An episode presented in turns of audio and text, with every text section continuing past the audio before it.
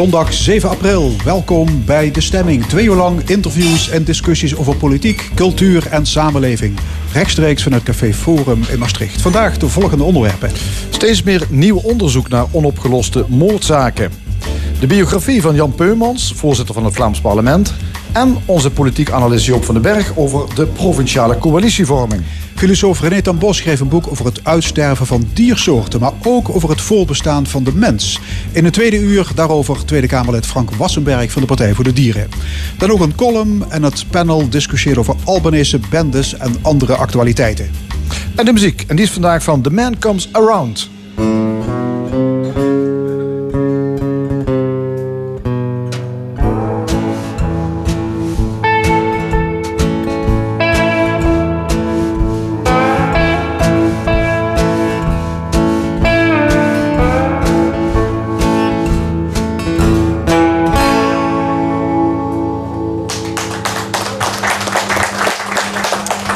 1975 verdween Mario Winkens spoorloos na een bezoek aan de kermis in Sittard. Er is nooit duidelijk geworden wat er is gebeurd met het meisje. Toch komen er nog altijd tips binnen en deze week leidde dat tot grootschalig graafwerk bij Bezel. In Limburg zijn er in totaal 50 onopgeloste moordzaken, zogenaamde cold cases. Dat weerhoudt politie, openbaar ministerie en de Universiteit Maastricht er niet van om te zoeken naar een doorbraak. Aan tafel Robert Horselenberg, rechtspsycholoog aan de Universiteit Maastricht. Goedemorgen. Goedemorgen. Ja, vrijdag is het graafwerk in Bezel afgerond. Er is niks gevonden. Bent u verbaasd? Nee, we weten dat graven vaak niet leidt tot, uh, tot een oplossing. Maar, en dat is de positieve kant, ze doen er wat mee en ze graven. Ja, want je weet nu dat, dat daar dus niks ligt. Precies. Zo zou je het kunnen ja, zeggen. Er is weer iets nieuws. Hè. We weten daar niet. Dus moeten we ergens anders gaan zoeken. Ja, maar dus de kans dat je met zo'n actie, zo'n graafactie naar aanleiding van een tip iets vindt, is niet zo groot, zegt u. De statistiek is niet gunstig wat dat betreft. Uh, maar ik, ik vind het altijd erg positief dat ze het wel blijven ondernemen. En wat je ook ziet, is dat er nieuwe uh, nieuwe tips weer zijn binnengekomen... naar aanleiding van het oprakelen weer van deze zaak. Ja, want dit moet wel een heel serieuze tip zijn geweest. Hè? Want dit kost natuurlijk enorm veel geld en tijd. Weet u wat voor soort tip dit was? Geen flauw idee. Het uh, OM en politie wilden daar ook niks over vertellen. Maar ja, genoeg voor hun om te beslissen... ja, we gaan ermee aan de slag. Ja. Die graafwerkzaamheden zijn dus uitgevoerd naar aanleiding van een tip... Die in 2017 is binnengekomen... Um, is het niet heel vreemd dat er 42 jaar na een verdwijning, dat was in 2017, 42 jaar later, dat er dan nog een tip binnenkomt over een meisje dat verdwenen is? Nee, als je kijkt naar wat, wat zorgt nou voor dat dit soort zaken wordt opgelost, zijn het vaak juist dit soort tips. Uh, de, de spijt tante, de mensen die uh, op het sterfbed nog een, een laatste ontboezeming doen. Uh, dit zijn juist de tips die waardevol zijn. En um, we weten ook uit allerlei onderzoek dat juist die tips meer voor doorbraak zorgen dan bijvoorbeeld DNA-onderzoek. Wat zijn dat voor dingen dan? Die mensen, is het die mensen herinneren het zich opeens nog? Denken van, ja, ik heb dat toen gezien, ik ga het nu maar eens vertellen? Of nee, de, de constellaties zijn veranderd. Hè. Er is een scheiding, er is een verhuizing. Je hoeft niet meer bang te zijn voor je partner of voor de buurman uh, of buurvrouw. Uh, en dan durf je wel te praten en de tip te geven aan de politie. Ja, en vroeging misschien dat je er toch zo lang mee bent ja, blijven rondlopen? Soms, soms is het inderdaad ook de dader zelf die, uh, die, die de tip afgeeft. Hè. Die, die, zaken kennen we ook, waarbij er op het sterfbed nog een brief is geschreven... Uh, waarvan, waar is gezegd van hier, uh, hier ligt het lijk. Hier kun je hem of haar vinden. Want mensen hebben dan toch blijkbaar behoefte om nog schoon schip te maken voordat ze vertrekken. Ja, dat is iets wat, wat, wat je altijd terugkomt. En dat is ook hetzelfde mechanisme waarom de nabestaanden van, van een cold case zaak zo graag willen dat het Openbaar Ministerie en de politie ermee door blijven zoeken. We hebben een, een, dat noemen we een need for closure. We willen kunnen afsluiten. Het boek moet dicht kunnen. En zolang er uh, een zaak open blijft staan, en dat is een cold case, dan kan dat, uh, dat mechanisme niet worden opgestart. Ja, er zijn in Limburg zo'n 50 cold cases. Wanneer spreek je over een cold case? Ja, er zijn twee definities. Ik vind eigenlijk iedere onopgeloste uh, misdaad vind ik een cold case. de definitie die het OM in Nederland hanteert is alles van een moord die niet is opgelost, of een zwaar zedenmisdrijf dat niet is opgelost. Ja. Maar in het geval van bijvoorbeeld alweer Mario Winkens... weten we niet 100% zeker of er sprake is van een moord. Nee, precies. Dus af en toe zetten ze ook vermissingen op de lijst. Uh, de, en dat is heel erg afhankelijk dus van in hoeverre er door de nabestaanden... of door vrienden, familie...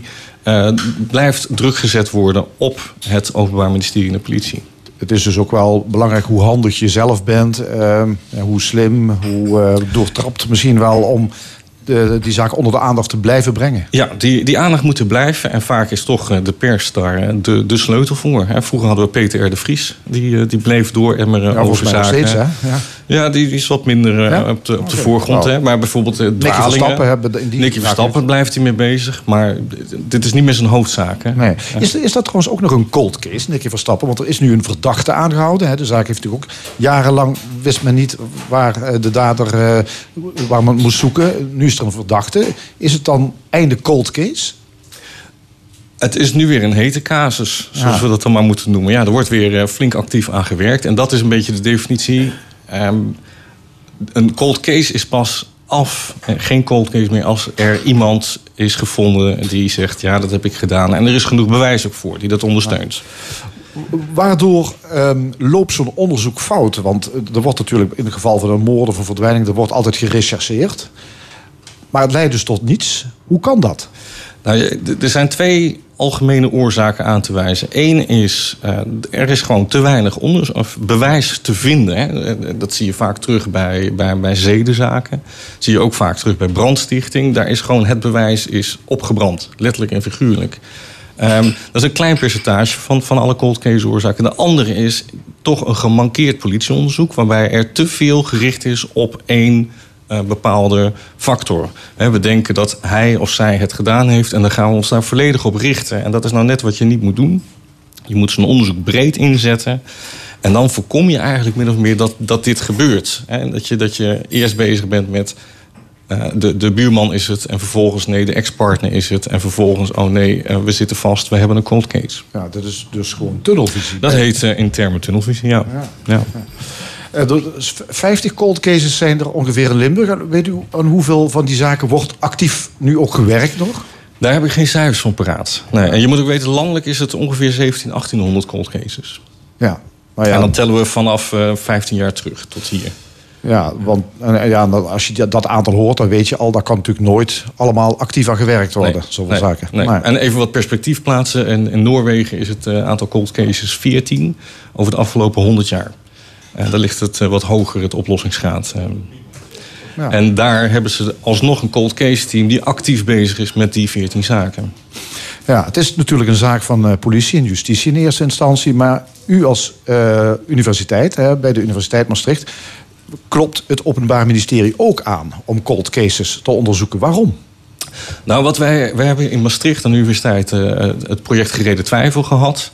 Uh, dat is op een gegeven moment uh, vertrokken naar Amsterdam. En ik heb toen samen met wat collega's afgesproken met de politie en het Openbaar Ministerie van Goh, is het niet een idee om de kennis die wij in huis hebben, om die eens in te zetten voor cold cases. En gelukkig hebben we daar een positief antwoord op gekregen. En we doen dat nu al een jaar of zeven. Ja, wat gebeurt er dan? De nou, wat ministerie komt met zaken bij jullie ja, aan? Ja. ja, ieder jaar krijgen, ze, krijgen we een zaak aangeleverd. Um, en dan ga ik met een groep van tien studenten... dat zijn rechtenstudenten, criminologen, psychologen... Uh, mensen met een forensisch-technische achtergrond... die allemaal uh, op masterniveau hier studeren. Uh, die gaan aan de slag bij ons. En dat beginnen we eerst met maar eens het hele dossier doorpluizen en doorspitten. En daar gaat veel tijd in, in, in zitten. En dan zoeken of er ergens fouten nou gemaakt zijn, verkeerd. Nou, we gaan niet op fouten zoeken. Want ja, dat is per definitie is dat het geval. Het is een cold case geworden. Maar waar we naar gaan kijken is... wat zijn nou de feiten die we uit zo'n dossier uh, kunnen destilleren? Wat, wat is een anker waarop we kunnen zeggen... van nou, dan zou er dit wel eens kunnen zijn gebeurd... of dan zou er dat wel eens kunnen zijn gebeurd.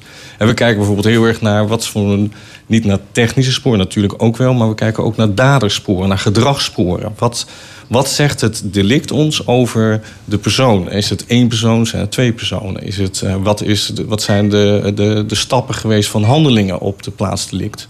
En wat moet daaraan vooraf zijn gegaan? En wat zou er na afloop zijn gebeurd? En dat zijn allemaal dingetjes die stuk voor stuk bijdragen aan het vormen van scenario's.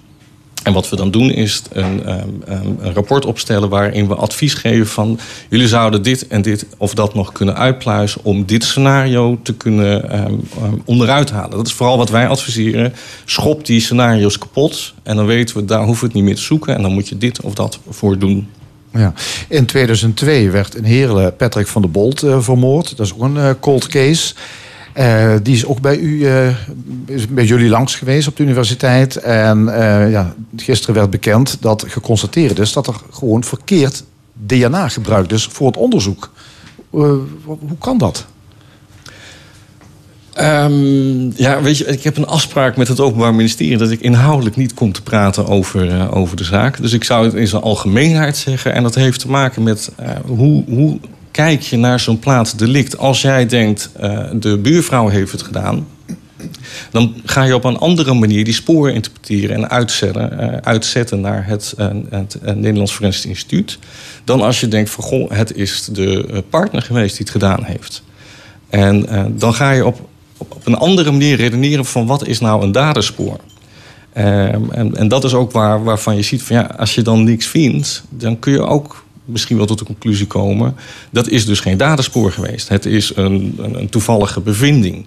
En, en, zeker met DNA, je moet weten, deze microfoon bijvoorbeeld zit onder het DNA van iedereen die hier aan tafel heeft gezeten. Zegt dat dan wat over uh, of hier uh, iemand heeft gesproken. Nee, want er, heeft, er zijn andere mensen hebben er ook aangezeten. De, technicus heeft dat mondkapje vastgepakt. Of dat plofkapje. Um, en er zit dus van allerlei DNA. En dan zegt het dus niks. Behalve dan, het is afkomstig van iemand. Maar dat wil nog niet zeggen over de activiteit. Hoe is dat daar dan gekomen? En dat is altijd een hele belangrijke kwestie. Van ja, kunnen we op een andere manier verklaren dat dat spoor daar gevonden is, dan dat het komt doordat iemand daar het delict heeft gepleegd. Ja.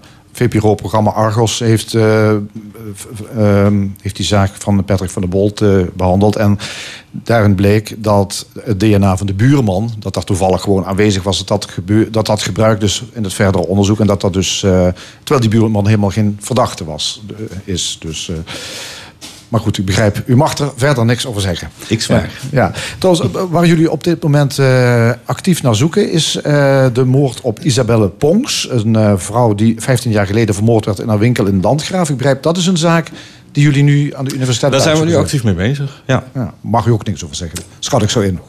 Correct inschatting. Ja, dacht het al, ja. Waarom zou ehm, een zaak jaren later overigens nog opgelost kunnen worden? Wat, wat is, wat, ja, ik denk inderdaad DNA-onderzoek. Uh, nou nee, DNA draagt maar bij in 3% van de zaken tot het vinden van een beetje de toverwoord geworden. Dus, ja, uh, dat is ja, een van de magisch, mythisch geloof in DNA. Uh, dat, dat, blijkt niet te kloppen. Nee, waar het, waar het wel om gaat is, en dat weten we ook weer op basis van het onderzoek, de de nieuwe getuige die nu wel durft te praten. Of uh, de getuige die uh, naar aanleiding van de informatie die weer in de pers komt, denkt van verhip. Ik weet nog, ik ben toen door de politie verhoord. En uh, ze zijn heel erg op. Ze hebben mij bevraagd over een zwarte Volkswagen Golf. Maar ik heb eigenlijk een rode BMW gezien. ik ga dat toch nog maar eens melden van die rode BMW. Uh, en dat zijn vaak de dingen uh, die, die ertoe doen. En dat zie je ook terug. Hè. Er is toevallig deze week onderzoek uh, geweest, gepubliceerd. Nederlandse verhoren die worden allemaal papier uitgewerkt. En als je het vergelijkt met dat, wat er daadwerkelijk is gezet... dan blijkt ongeveer 80% van de informatie die is gegeven door de getuigen... dat die niet wordt opgeschreven omdat het op dat moment bijvoorbeeld niet relevant is voor de zaak. terwijl dat juist ontzettend relevant is voor het heropenen van. Dus wat we bijvoorbeeld ook doen, is veel praten met oud-rechercheurs. Uh, en hun is vraag van, ja, wat was jullie gut feeling? Uh, waar zaten jullie mee? En dan komt er ook vaak wel informatie uit van... ja, met die getuige had het dus over de rode BMW. En die andere getuige zegt dan, een andere regisseur... die zegt, god, die rode BMW, die heb ik ook gehoord. Dus we hebben met z'n allen lopen rechercheren naar die zwarte Volkswagen Golf. En uiteindelijk hebben de meeste getuigen een rode BMW gezien. Ja. Om maar zo'n dus, dus, voorbeeld te Ja, dus, dus eigenlijk puur mensenwerk. Dus de techniek is eigenlijk, we speelden een kleinere rol dan uh, we misschien wel, uh, wel denken. Het speelt een piepkleine ja. rol. Het is echt ouderwets regissierwerk. Ja. Uh, er is ook een, een zaak hier in Maastricht. Tanja Groen, een studente. Die is in 1993 verdwenen. Ook nog steeds onder de aandacht. Daar is bijvoorbeeld helemaal niks van gevonden. Hè? meisje is gewoon verdwenen. We Ja. weten gewoon helemaal niks. Ja. Is, is zoiets, maakt dat nog enige kans dat dat ooit opgelost wordt, zo'n zaak? Als je helemaal niks hebt? Ehm, ja, dit is zo'n klassieke vermissingszaak die een cold case wordt omdat je geen bewijs hebt. Ehm, maar er blijft altijd misschien de spijt op tand eh, die toch nog zegt van hé. Hey, of de, eh de medegedetineerde die zegt van nou, die gast heeft het altijd gehad over eh, dat meisje uit Maastricht. Eh, Ja. nou, misschien is dat dan informatie die wel tot een, een, een serieus spoor kan leiden. Ja, in de gevangenis worden ook cold case kalenders verspreid. Hè. Daar staan foto's op en verhalen over cold cases. Le- levert dat iets op?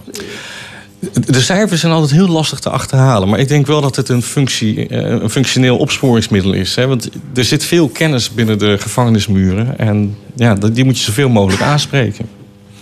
Oké, daar, eh, wat dat betreft cold cases, eh, het blijft, blijft veel werk en er valt nog heel veel op te lossen, begrijp ik. Dank u wel voor uw komst. Robert Hosselenberg van de Universiteit Maastricht. Graag gedaan. De live muziek en de stemming komt vandaag voor rekening van The Man Comes Around. Ik sta op het podium bij zanger Marcel van der Heijden. Marcel, ehm, het bijzondere is dat jullie liedjes spelen van Johnny Cash. Waarom Johnny Cash?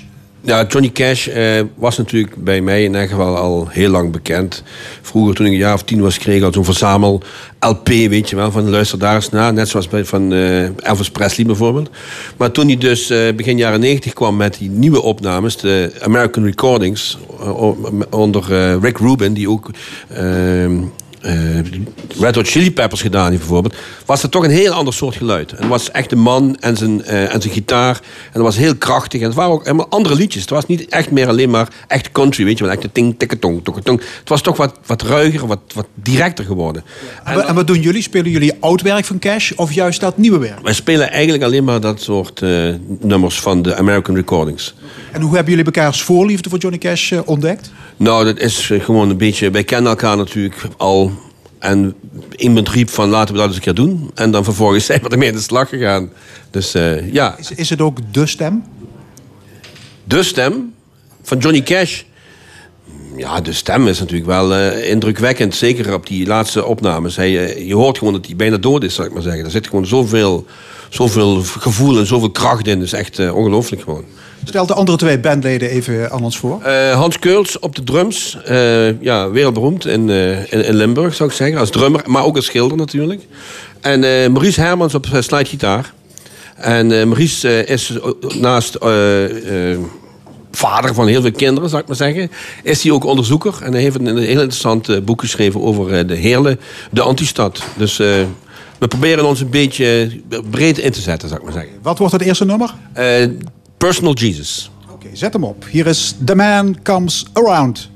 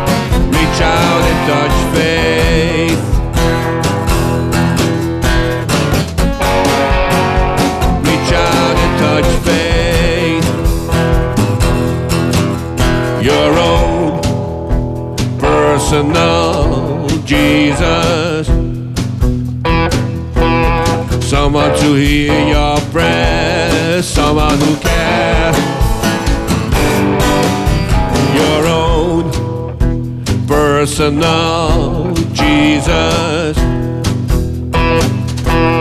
Someone to hear your prayers, someone who's there.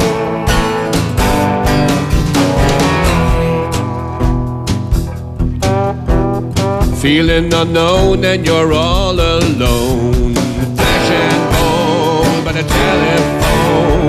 Lift up the receiver, I'll make you a believer.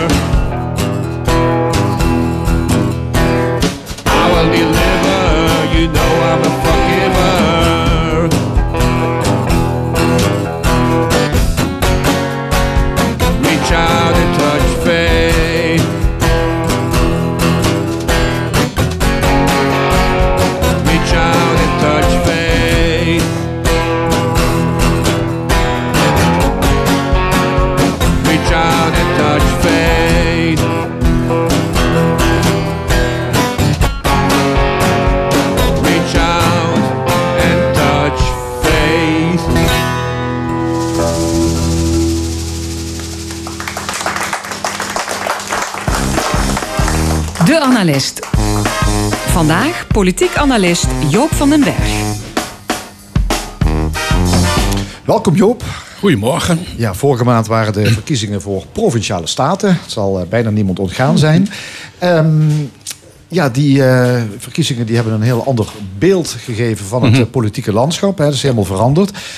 Dat, ja, ik neem aan dat speelt een rol bij het formeren van de nieuwe colleges van de gedeputeerde staten. Hè. Wat, eh, Ja. wat, wat is er, eh, als je kijkt naar wat er veranderd is, wat, eh, welke invloed heeft dat op die Nou formatieprocedures? ja, het wordt er een stuk ingewikkelder van. In de eerste plaats omdat ehm, de kiezer heeft bij, überhaupt bij provinciale statenverkiezingen de neiging om nogal te gaan experimenteren. Eh, Daar zie je ook dat GroenLinks komt bij statenverkiezingen er altijd een stuk beter uit dan bij Kamerverkiezingen. Want Eh, dan om durven mensen op een partij te stemmen die ze Ja. landelijk niet zo snel zouden Ja, omdat ze niet onmiddellijk eh, zien dat dat catastrofale effecten zou hebben. Waar de kiezer trouwens ook gelijk in heeft. Eh, en ze gaan dus ook experimenteren met populistische eh, stromingen. En eh, je ziet dat nu met eh, de enorme opkomst, eh, in de meeste provincies in ieder geval, van eh, Forum voor Democratie. Eigenlijk is Limburg de enige provincie waar de PVV zich relatief goed gehandhaafd heeft. Bij de andere heeft ze geweldig geleden onder die winst van eh, het Forum. En ehm voort zie je natuurlijk de versnippering. eh, bij provinciale statenverkiezingen altijd nog wat sterker dan bij Kamerverkiezingen. En dus moeten ook provincies eraan geloven. eh, eerst was het al in het land, en vervolgens in de steden. Dat er informateurs met betrekkelijk onafhankelijke positie moesten komen. Om eh, als het ware de, de, de, de kaart te verkennen, eh, afkoeling eh, tot stand te brengen. En te kijken wat voor coalities er dan mogelijk en denkbaar zijn. En ja, dat zie je nu eigenlijk ook. Want dat was op provinciaal niveau eigenlijk nog redelijk uitzonderlijk. Ik meen vier jaar geleden dat het eigenlijk alleen in Noord-Brabant. Eh, gebeurde. Ook om eh, te kijken of ze de verhoudingen vernieuwd konden worden. Uh, Ger Koopmans deed dat in Limburg gewoon zelf. Die deed het nog gewoon zelf. Ja, Ja, En, en nu, nu kan het dus niet meer. Dus hij, moet, Nee. hij is gedwongen om iemand erbij te halen. ja, ja, en hij begint dus eh, eh, Maar, met... maar, aan leg- de- maar, maar kun je Ja, uitleggen hoezo? Want ja, als je toch de grootste partij bent, kun je het voortouw nemen. Waarom moet je er een onafhankelijke bij halen? Omdat het zo eh, versplinterd Ja, het is? is een kwestie van voorzichtigheid. Eh, en je, als het ware, je kaarten niet onmiddellijk op tafel hoeven leggen. Want als hij het alleen doet, moet hij ook eigenlijk meteen kiezen. Nu zegt hij, en hij kiest dus half, eh, voor een informateur ernaast, van, eh, eigenlijk van GroenLinks. Maar met het argument, die man is in wereld zo succesvol geweest met het maken van een ingewikkeld college. Die halen we er nu bij. Maar het is in wezen de keuze voor GroenLinks, maar een voorlopige. Kijk, als, als dit dus niet heel veel oplevert, dan kan Ger met eh, goed fatsoen zeggen eh, en zonder zichzelf de schuld te hoeven te geven: luister eens, dit werd niks. Dus ik moet nu naar de andere kant. Ja, en is, dat, is dat een serieuze kant? De andere kant, dat is dus Forum voor Democratie, om die Ja. erbij te halen? Eh, dat weet ik niet. Ehm, kijk, het Forum heeft in de meeste provincies niet vreselijk duidelijk gemaakt waar ze wel en niet voor zijn. Het enige houvast dat sommige andere partijen in ieder geval hebben, is dat ze het klimaat, eh, de akkoord en allemaal een beetje overdreven en, en soms zelfs totale flauwekul vinden. Maar.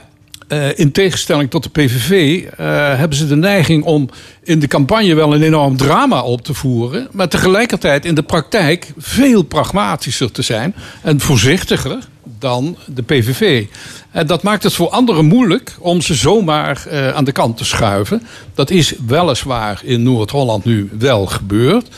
Maar daar kun je je de vraag stellen of de informateur daar slim genoeg geopereerd heeft.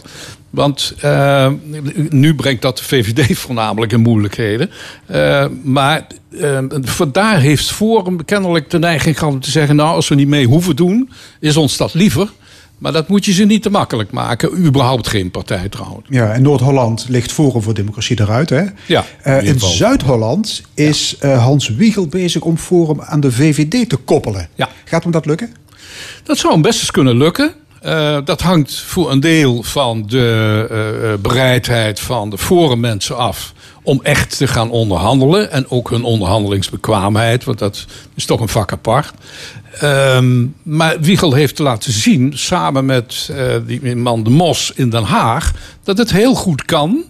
Uh, en dat de VVD eigenlijk als enige een soort middenpositie inneemt tussen populistische stromingen aan de ene kant en de oude volkspartijen, die inmiddels een soort elitepartijen zijn geworden daar, aan de andere kant. Dus dan heb je het over CDA, GroenLinks, D66, uh, noem ze maar op, de Partij van de Arbeid. Dat zijn in feite niet meer de volkspartijen daar die ze waren. Het CDA is alleen hier in Limburg en in Overijssel nog een beetje de oude volkspartij.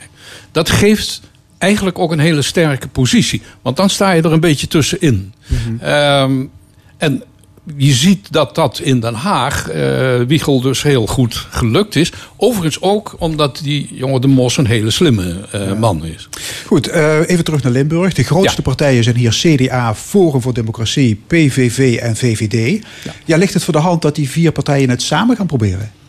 Nou, of het voor de hand ligt, dat durf ik niet te zeggen. Want uh, je hebt aan de PVV sowieso een moeilijke ja, klant. Maar dan heb je wel het afspiegelingscollege puur zang. Ja, zeker. Ja, nee, ik bedoel, ik, ik ontken niet dat dat uh, zeker ook wat meerderheid betreft. Uh, hoe heet het? De, de grootste samenballing geeft. De vraag is alleen, en daar maakt denk ik Ger Koolman zich terecht zorgen over. Ja, hoe stabiel is dat? PVV wil nu gaan schuiven hier. Uh, dat, blijkt ook wel. Het Forum wil waarschijnlijk wel meedoen, maar onder welke voorwaarden? En uh, het Forum heeft een heel typisch probleem, wat uh, PVV eerder ook al had. En de SP ook wel eens gehad heeft. Je kunt zo gruwelijk stijgen in aanhang dat je al de grootste moeite hebt om je fracties uh, vol te krijgen. En dan moet je ook nog bestuurders gaan zien te vinden. En dat is een soort van, ja, ik noem het dan maar heel uh, on-Nederlands, overstretch. Mm. Uh, dat je zo overspannen moet dat je eigenlijk niet over de ervaring en de mensen beschikt. Ja, om dat dus, een beetje netjes te laten aflopen. Dus Forum heeft geen geschikte kandidaten voor de colleges van gedeputeerde Ja, dat weet ik niet. En wil misschien daarom geen bestuursverantwoordelijkheid. Ja, ik bedoel, als ze ze niet hebben en ze zijn er zelf van overtuigd, dit wordt niks. Uh, en dat zou best eens kunnen. Dan zullen ze, uh, laat ik zeggen, liever niet meedoen. Dat speelt volgens mij in Noord-Holland wel een rol. Uh, maar anderen zullen denken, ja, waarom niet?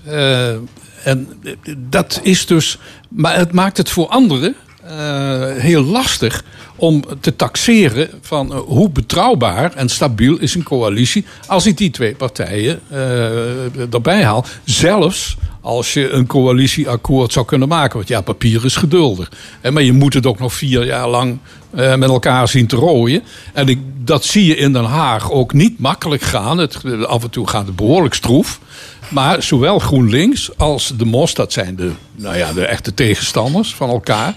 Ja, we moeten er uh, uh, zorgvuldig aan werken. Maar tegelijkertijd zeggen ze, nou ja, als we uitgeruzied zijn, dan gaan we ook weer uh, een stuk verder. En ik denk dat dat voor het bestuur van de stad toch een betere constructie is dan wat er in Rotterdam gebeurd is. Want daar zie je alle nou ja, uh, traditionele, maar ook nogal elite geworden partijtjes bij elkaar gekropen ten koste van leefbaar. Uh, dat kan je wel doen, maar dat betekent dat je een belangrijk deel van de Rotterdamse bevolking gewoon buiten de besluitvorming haalt. Welke partij heeft in Limburg een sleutelpositie, een, een, een scharnierfunctie bij de coalitievorming? Nou, ik denk hier het CDA. CDA. Het CDA. Ik bedoel, wat eh, in de Randstad eh, de VVD is, ook in Brabant trouwens. eh, daar zitten ze dus tussen die twee eh, eh, nou ja, populisten en kleinere partijen in. CDA kan linksom. Het CDA kan hier beide eh, kanten om en kan ook proberen. En misschien is dat ook wel de bedoeling geweest van deze dubbele eh, informateurclub. Om zowel eh, van rechts als van links eh, partijen erbij te halen.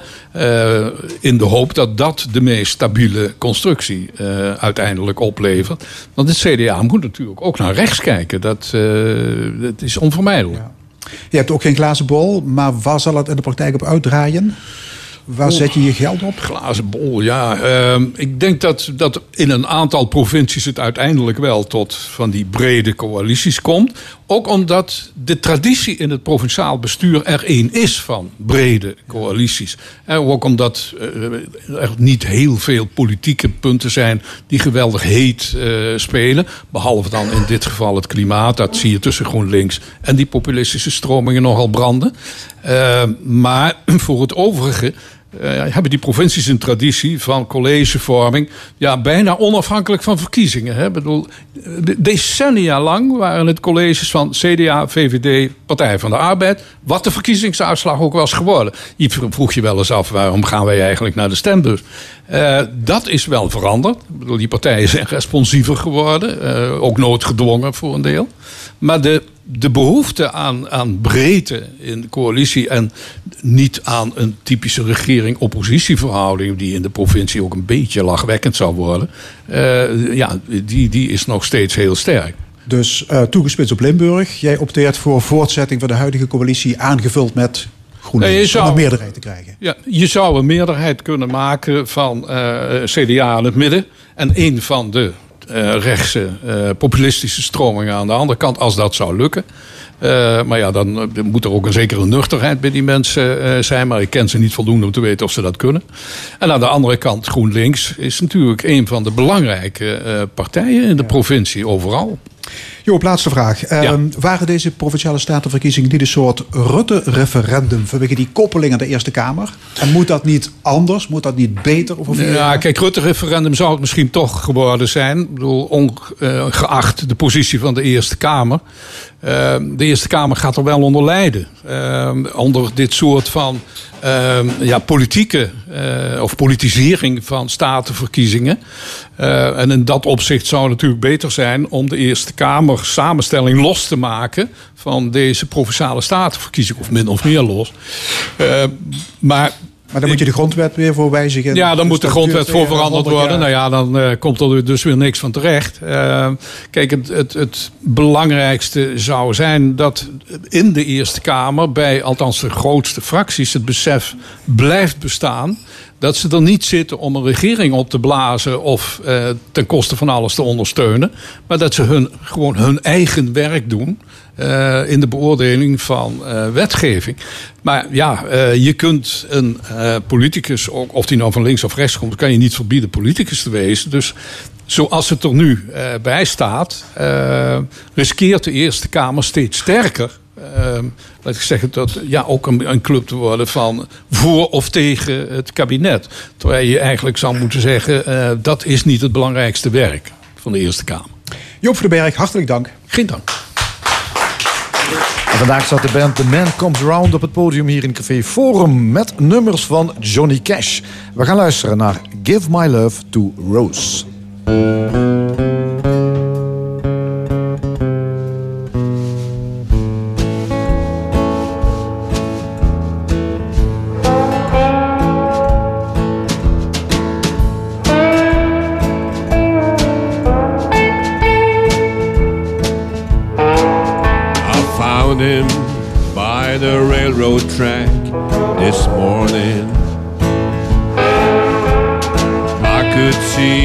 That he was nearly dead. I knelt down beside him and I listened just to hear the words the dying fellow said. He said they let me out of prison here in Frisco. Ten long years I've paid for what I'd done. I was trying to get back to Louisiana to see my Rose and get to know my son. Give my love to Rose, please won't you, mister? Take her all my money, tell her buy some pretty clothes. Tell my boy that daddy's so proud of him. And don't forget to give my love to Rose.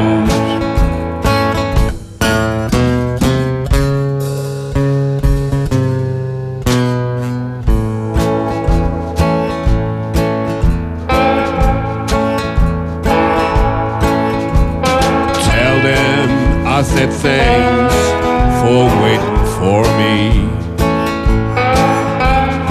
Tell my boy to help his mom at home. Tell my Rose to try and find another.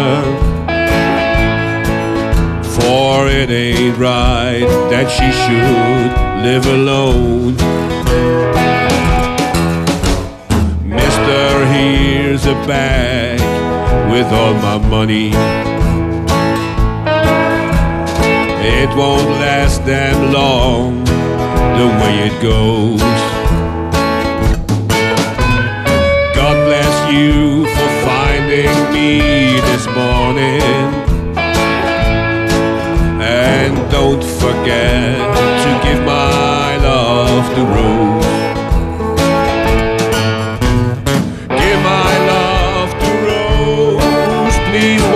Mister? Take her all my money, tell her buy some pretty clothes. Tell my boy that daddy's so proud of him. And don't forget to give my love to Rose. And don't forget to give my love to.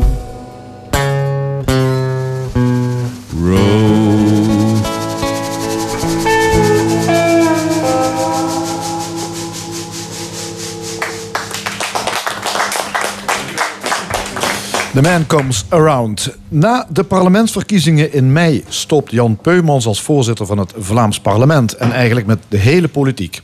Na een carrière van 40 jaar vindt de 68-jarige Belgisch Limburger het mooi geweest. Peumans was gemeenteraadslid, wethouder, burgemeester, statenlid en hij was actief in de milieubeweging en in de Vlaamse beweging. Zijn biografie ligt nu in de winkel, geschreven door zijn zoon Wim. Aan tafel Wim en Jan Peumans. Heren, welkom. Wim, aanvankelijk eh, wilde uw vader niks weten van een biografie, hè? Niet alleen mijn vader, ik wilde er eigenlijk ook niks van weten. Het was mijn man die het voorstelde in het najaar van 2015. En, ehm, maar we hielden allebei de boot af. Het leek ons geen goed idee. Ehm, maar dan geleidelijk aan begon het toch in mijn hoofd te dagen van... Goh, hoe, zou, hoe zou dat zijn om een biografie te schrijven over mijn eigen vader? Ik heb een academische achtergrond, ik heb een doctoraat gedaan... en ik heb al twee boeken geschreven, dus... Ik was wel zeker dat ik het kon schrijven, maar eh, ja, ik moest toch er even kunnen over nadenken. Ja, en Jan, u zag het aanvankelijk ook niet zitten, hè? Nee, maar dat is geregeld geworden in de Venetia hè, in Riems, en hier in Maastricht. Hè. Ja. Ja, u heeft meegelopen naar een ijssalon in Maastricht en Ja. toen verteld, pa, ik ga het doen. Ja, en toen vroeg hij, ja, maar heb jij het vak historische kritiek wel gehad? En ik zeg, wat bedoel je? Ja, om te kunnen refereren en zo. Ik zeg, ja, ik heb net een doctoraat behaald, dus ik denk dat refereren eh, wel zal kunnen. Dus eh, de toon was al gezet. Maar een, een biografie geschreven door de eigen zoon, dat is volgens mij een unicum, hè? Ik denk dat het heel weinig voorkomt. Ja, ik kan niet meteen eh, andere voorbeelden bedenken in het Nederlandstalige taalgebied. Ja, en dan is de volgende vraag. Is de zoon de meest geschikte persoon om een biografie te schrijven? Wel, het heeft natuurlijk zijn voor- en nadelen. Het nadeel is, ja, ik sta heel dichtbij hem. Maar een voordeel daarvan is dat ik eigenlijk op unieke wijze toegang had tot zijn verleden en zijn heden. Eh, ik heb toegang gekregen tot documenten die ik denk dat hij niet zou vrijgeven aan een journalist of zo. Ik heb bijvoorbeeld eh, correspondentie tussen mijn ouders uit de jaren 70 gelezen, die toch wel heel persoonlijk en eh, bij momenten intiem was. Dus ik denk dat Ja, hij is dat archief van tevoren niet gere- ge, hoe heet dat, gecensureerd? Nee, Nee. ik ben op geen enkele manier eh, in de inhoud van het boek tussengekomen. Nee, dat was ook een onuitgesproken voorwaarde eigenlijk, dat hij zich Het is ook daarmee geen, eh, het is ook geen eh, lofbetuiging om te zeggen van eh, dit was werkelijk een uniek persoon of zo. Dat zit er helemaal niet in. Nee, de, de, de minder fraaie dingen worden niet onder het tapijt Nee. gemoffeld. Maar ik kan me voorstellen dat die eerste graads familieband wel af en toe knelt. Ehm, knelt, ja, ik weet niet. Ja, ik ik eh, ben antropoloog, dus ik heb leren omgaan met dat spanningsveld tussen objectiviteit en subjectiviteit. Bij mijn doctoraatsonderzoek, dat ging over homoseksuele en lesbische moslims. Ik ben zelf homoseksueel, dus dan was er ook wel een persoonlijke connectie. Dat is natuurlijk van andere graad. Maar, maar om maar te zeggen, ik weet hoe ik moet omgaan met dat spanningsveld. En daarin lag ook voor mij net de uitdaging.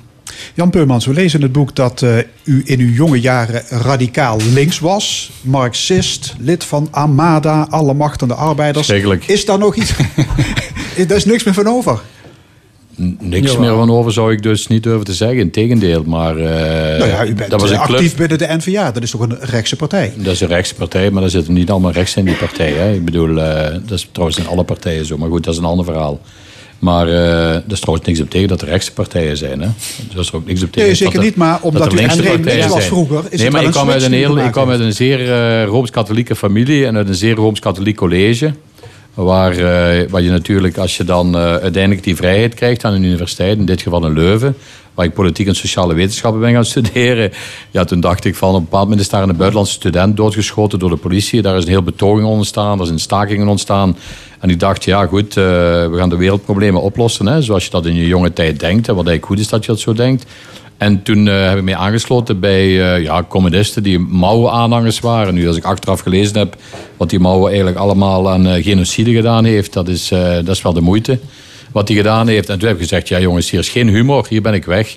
Omdat ik vind, humor vind ik nog altijd een heel sterk wapen. En eh, ik hanteer dat trouwens nog altijd. En dat, je mocht dan niet lachen. Ja, als je niet mag lachen, ja, dan denk ik van jongens, hé, hey, als alle problemen van de wereld zo gaan opgelost worden, ben ik, na zes of zeven weken was ik daar weg. Ja, maar dat radicalisme is verdwenen, maar niet het engagement. Hè? Dat, dat is er nog altijd. het engagement niet. Nee, en ik trouwens, ik vind alle uitersten vind ik niet goed. Hè. Ik vind de uitersten van links en de uitersten van rechts niet goed. Ik vind, eh, die mensen zijn zodanig extreem in hun gedachtegoed, dat je daar eigenlijk nooit doorheen geraakt. Dus ik hou daar niet van. En- Ik ga naar 2003. U was lid van Provinciale Staten. En u maakte stampij over de hoge declaraties van de gedeputeerden. Dat Ja. ging om 50.000 euro per jaar, reisjes, dure etentjes. U moest dat aan de kaak stellen. Nou, dat heeft eigenlijk, ja goed, even een hele voorgeschiedenis staat in het boek beschreven. Op een bepaald moment ben ik vanuit de administratie getipt geworden dat die gedeputeerden nogal een uh, baginaal leven leiden. En toen heb ik gezegd van oké, we gaan dat uitzoeken. En de eerste gedeputeerde, dat was toen een CD&V'er, die heeft me de helft van de waarheid verteld. Ja, kijk, als je de helft van de waarheid vertelt, dat is natuurlijk in de politiek heel dom. En toen zijn we dat helemaal gaan uitspitten. En het bleek dat die mensen dat eigenlijk gebruikten op ogenblikken dat ze daar dan niet voor moesten gebruiken. Ik vind niet meer dan correct dat je, als je iemand ontvangt, dat je weet wie. Maar dat werd gewoon voor privé-doeleinden gebruikt. Ja, goed, Ja, dat, was de dan- zogenoemde Vista-affaire. Dat Ja, werd de een Vista-affaire, in, ja. in België. Ja. En waarom bent u toen bijna gestopt met de politiek? Gestopt waar? Met de politiek? Dat- Door die affaire. Tenminste, dat heb ik in uw boek Nee, gelezen. ik heb willen stoppen. ja, willen Ik ben niet. Ja, gestopt, want ik ben in 2004 in het, in het Vlaams parlement gekomen. En dan eh, Ja. drie keer herkozen. Maar dat was eigenlijk omdat eh, zijn fractie bestond uit twee leden. En, eh, ja. En eh, die, die raadszitting was gewoon... Het, he- de hele provincieraad was eigenlijk tegen hem. En hij, voor hem kwam dat zo hard aan dat hij na afloop echt even getwijfeld heeft om te stoppen met politiek. Ja, in een café hebben we dat toen beslist. En de dag daarna bekijk je de wereld weer anders. Ja. En een jaar later, in 2004, werd u gekozen in het Vlaams parlement. Ja, u was klopt. toen al 53. De media die waren in die tijd buitengewoon kritisch op het functioneren van het parlement. Hè? Het zweeft tussen bleke middelmaat en volstrekte betekenisloosheid. schreef Ja, de maar journalisten denken altijd dat ze de waarheid in pacht hebben natuurlijk. Eh, Dat begrijp ik ook wel. Maar ik denk dat dit parlement nu wel een andere inhoud gekregen heeft dan het eh 15 jaar geleden had. Dat klopt. Ja. Maar dat is ook een beetje de fout van de parlementsleden zelf. Hè? Ja, u zag de lamlendigheid van veel collega-parlementariërs. Ze beperken hun activiteit tot woensdag, als Ja. ze om vier uur de stemknop konden Ja. indrukken. Ja, want dan moesten ze komen stemmen dat ze niet daar geweest, maar kregen ze een vergoeding niet. Maar dat zijn ze niet allemaal. Hè. Ik bedoel, je hebt, uh, dat is gelijk de samenleving. Hè. Je hebt in het parlement, ik denk dat hier in de Nederlandse Tweede Kamer ook zo is. Je hebt uh, echte mensen die echt werken voor een, um, voor, een, uh, voor een functie. Je hebt er dan zo in de middelmaat en je hebt een aantal meelopers die niks doen. Dat is, in de samenleving heb je dat toch ook. Is de situatie verbeterd? Ik vind dat dat is verbeterd in die zin dat mensen zich steeds meer zijn gespecialiseerd. Waar je vroeger generalisten had in, in, in, het parlement, dat is één. Maar van de andere kant, door de opkomen van de iPhones en de iPads, luisteren mensen steeds minder naar elkaar. En dat vind ik een slechte evolutie. U werd um, op een gegeven moment voorzitter van het Vlaamse parlement. Uh, dat bent u nog steeds. Nog, Ja. nog heel eventjes, nog een paar weken. Twee weken, uw twee vader maanden. was geen doorsneevoorzitter, hè? Nee, en dat heeft hij ook van het begin eh, dat hij die functie aannam, na- aannam, heeft hij ook gezegd: ik ga hier geen bloempot spelen. En eh, ja, dat heeft hij zeker waargemaakt. Eh, Maar hij is er wel in geslaagd om het parlement op de kaart te zetten. Want iedereen weet nu wel dat het Vlaams parlement bestaat en wie de voorzitter Alleen is. in Nederland snappen ze dat niet zo goed. Maar Nee, waarom niet? ik, denk- heb, eh, aan u, ik heb aan de vorige Tweede Kamervoorzitter, eh, hoe heet ze ook weer, die is moeten aftreden in verband met een of ander ding wat ze door de papierversnipperaar geluid. Hoe heet ze ook weer? Ja, die van de VVD. Help Juist. even. Van Miltenburg. Ja. Ja. Nou, die heb ik gedurende een half uur proberen het, het, het Belgische federale systeem uit te leggen. Na een half uur merk ik dat ze dat nog niet... eh nee, maar wij hebben een heel ander... Hè. Jullie hebben hier de, Ja. die provinciale staten bijvoorbeeld. Bij ons stelt de provincie eigenlijk niks meer voor. Of bijna niks meer. Wij hebben eigenlijk een heel ander systeem. Maar dat heeft te maken met de geschiedenis van België. Hè. Dus eh, Ne- Nederlanders die snappen bijvoorbeeld niet dat wij ons kunnen druk maken over het feit dat wij het Nederlands bijvoorbeeld belangrijk vinden. En in deze universiteit, niet waar Wim, hè, waar het Engels de, de voertaal is. Ja. wij vinden dat spijtig dat er ontwikkelingen zijn aan universiteiten waar men, dat, eh, waar men dat Nederlands minder belangrijk vindt. Terwijl wij, om toch een idee te geven, wij hebben pas na 100 jaar, hebben wij na 100 jaar na het ontstaan van België, hebben wij pas een Nederlandstalige universiteit gekregen. Hè. Dat kunnen jullie zich in Nederland niet voorstellen. Dus eigenlijk die voorgeschiedenis is eigenlijk toch wel belangrijk om te weten waarom dat wij nu een Vlaams parlement hebben die ongeveer een, budget goedkeurt van 47 miljard euro, waar wij een hele hoop bevoegdheden hebben, waar we autonoom in zijn, waar Wallonië autonoom is enzovoort. En dan zeg ik die Nederlandse Tweede Kamervoorzitter, waar trouwens altijd, ik heb met mevrouw Ariep heel goede contacten gehad, ja, die zeggen, maar wij snappen dat niet hier in België, hoe jullie dat... En toch functioneert het allemaal, zeggen ze dan. Dus, U, u, u bent actief in de Vlaamse beweging, hè? Ehm, u bent flamingant. Waarom Ja. bent u voorstander van een onafhankelijk Vlaanderen? Omdat dat, ik denk dat je je eigen rekeningen. Maar voorstander zijn, eh, dit, dit, dit is een middel tot. Hè. Het is geen einddoel. Het is een middel tot. Waarom? Ja, daar moet je ook de voorgeschiedenis voor kennen. Hè. We hebben dus een zestal staatshervormingen gehad. Hè. We zijn begonnen in 1970. We hebben de laatste gehad in 2014. En als je natuurlijk kijkt eh, wat, daar de, wat daar de voorgeschiedenis van is, dat is dat wij zeggen. Ah, neem nu het onderwijs is een heel mooi voorbeeld. Hè. Het onderwijs in Vlaanderen is, eh, is beter dan het Franstalige onderwijs. Niet dat ik dat een goede zaak vind. Ik vind wel goed dat wij goed onderwijs hebben. Maar de Franstaligen op dat vlak hebben een aantal andere, onder andere financieringsproblemen. Nu, er is een heel grote solidariteit van Vlaanderen naar Wallonië. Er is elk jaar een transfer van ongeveer 7 miljard euro. Ja. En wij zeggen, kijk, wij kunnen beter zelf ons boontjes doppen. Maar waar je zelf voor je inkomsten en je uitgaven verantwoordelijk bent, ga je anders mee om dan dat je zegt van ja, ik krijg een stuk wel door de anderen betaald. En dat is eigenlijk de achterliggende filosofie. Maar het is een middel tot. Het Ja, is en, geen en u doel bent zelf grote fan van Wallonië. Ik ben, het ja, boek waarom lees niet? ik, als, ben ook een als eh, groot reïncarnatie bestaat, kom ik terug als een u ja, dat heb ik goed gelezen, maar ik ben even goed een fan van de Catalanen als van de Schotten als van eh, de mensen van Wales. Ik bedoel, eh, dat Alle heeft... separatisten. Nee, dat zijn geen separatisten. Ik vind het woord separatist in deze vind ik helemaal verkeerd. Neem maar het voorbeeld van de Schotten bijvoorbeeld. Eh, de Schotten die hebben eigenlijk nooit tot het Verenigd Koninkrijk moeten behoren. Zoals de Catalanen eigenlijk ook niet tot Spanje behoren. Dat heeft niks met separatisme te maken. Dat heeft te maken dat een volk een bepaalde autonomie wil hebben. En die autonomie wil ze zelf willen uitoefenen. Daar is er op zichzelf niks op tegen. Wim Peumans. Wim denkt er anders over. Ja, ik ben van een andere politieke strekking, maar ik wou wel even zeggen voor Hij is Nederland. trouwens onterfd door mij. Hè. Eh, ik wou even zeggen voor Nederlandse lu- luisteraars die geen weet hebben van de politieke geschiedenis van België, is het boek ook wel een, een leuke introductie tot die geschiedenis, want het verweeft het levensverhaal van Jan met de geschiedenis van België en de politieke geschiedenis. daarvan. En als gepensioneerde, meneer Peumans, gaat u straks werken aan een proefschrift over het Vlaams nationalisme in Limburg Ja. van 1945 tot 1977. Ja, het zal, de datum ligt nog niet helemaal vast, maar ik ga dat doen bij de broer van mijn partij, Bruno de Wever. Die is hoogleraar aan de Universiteit van Gent. En het heeft eigenlijk vooral te maken, en dat is eigenlijk voor Nederlands-Limburg wel interessant, met jullie CDA hier, hè, en de vroeger, hè, de, de, de Christen-Democraten hier.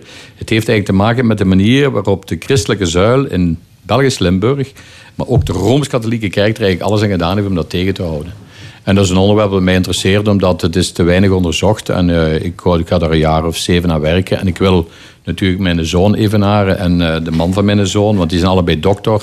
En ik zou het graag op mijn doodsbrief hebben willen staan dat ik dokter in de, in de geschiedenis ben of zoiets. Dat is eigenlijk de bedoeling. Nee, nee, maar dat is gewoon een uitdaging, omdat ik heb een heel actief leven gehad. Ik ben nu 68 jaar en ik kan me niet voorstellen dat ik... Uh, ja, dat ik elke week naar de dansclub ga of zo, ik noem maar zoiets. Dat staat wel in het boek. U gaat zangles nemen, u gaat Ja, maar zangles is wat anders dan naar de dansclub. okay. Nee, nee, maar ik wil nee, Nog even iets anders. U hebt drie keer heeft u de Dalai Lama ontmoet. Ja.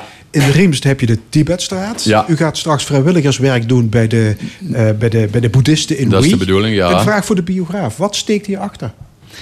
Uh, wat steekt hierachter? Ik denk dat het ook wel te maken heeft met die roep naar autonomie uh, bij de Tibetanen. En ook dat hij zich aangesproken voelt door de figuur van de Dalai Lama. Uh, en dat was al van begin jaren 90 eigenlijk. Toen werden er solidariteitsacties op poten gezet vanuit de Europese Unie of het Europese parlement.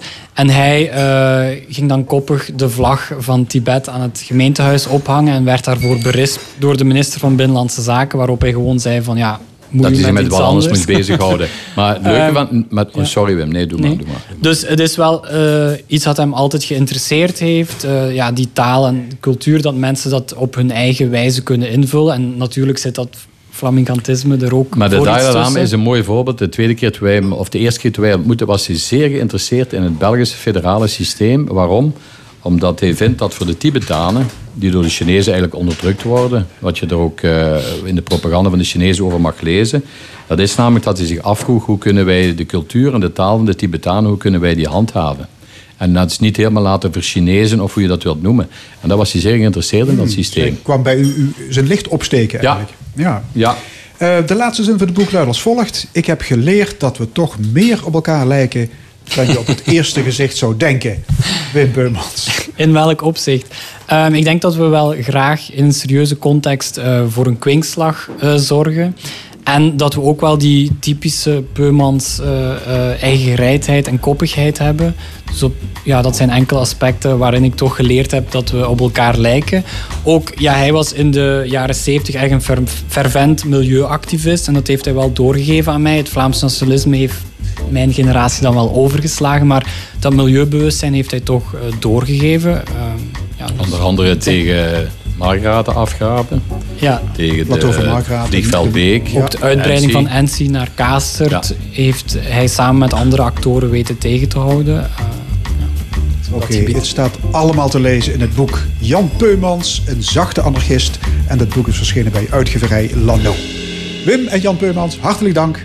Alsjeblieft. Succes. Dank u wel. En het NOS-journaal van 12 uur in de stemming... Tweede Kamerlid Frank Wassenberg van de Partij voor de Dieren... over het grote uitsterven van dieren... maar ook wat is het lot van de mens. Verder het opiniepanel over Albanese criminelen... en de jacht op wasberen. En muziek van The Man Comes Around.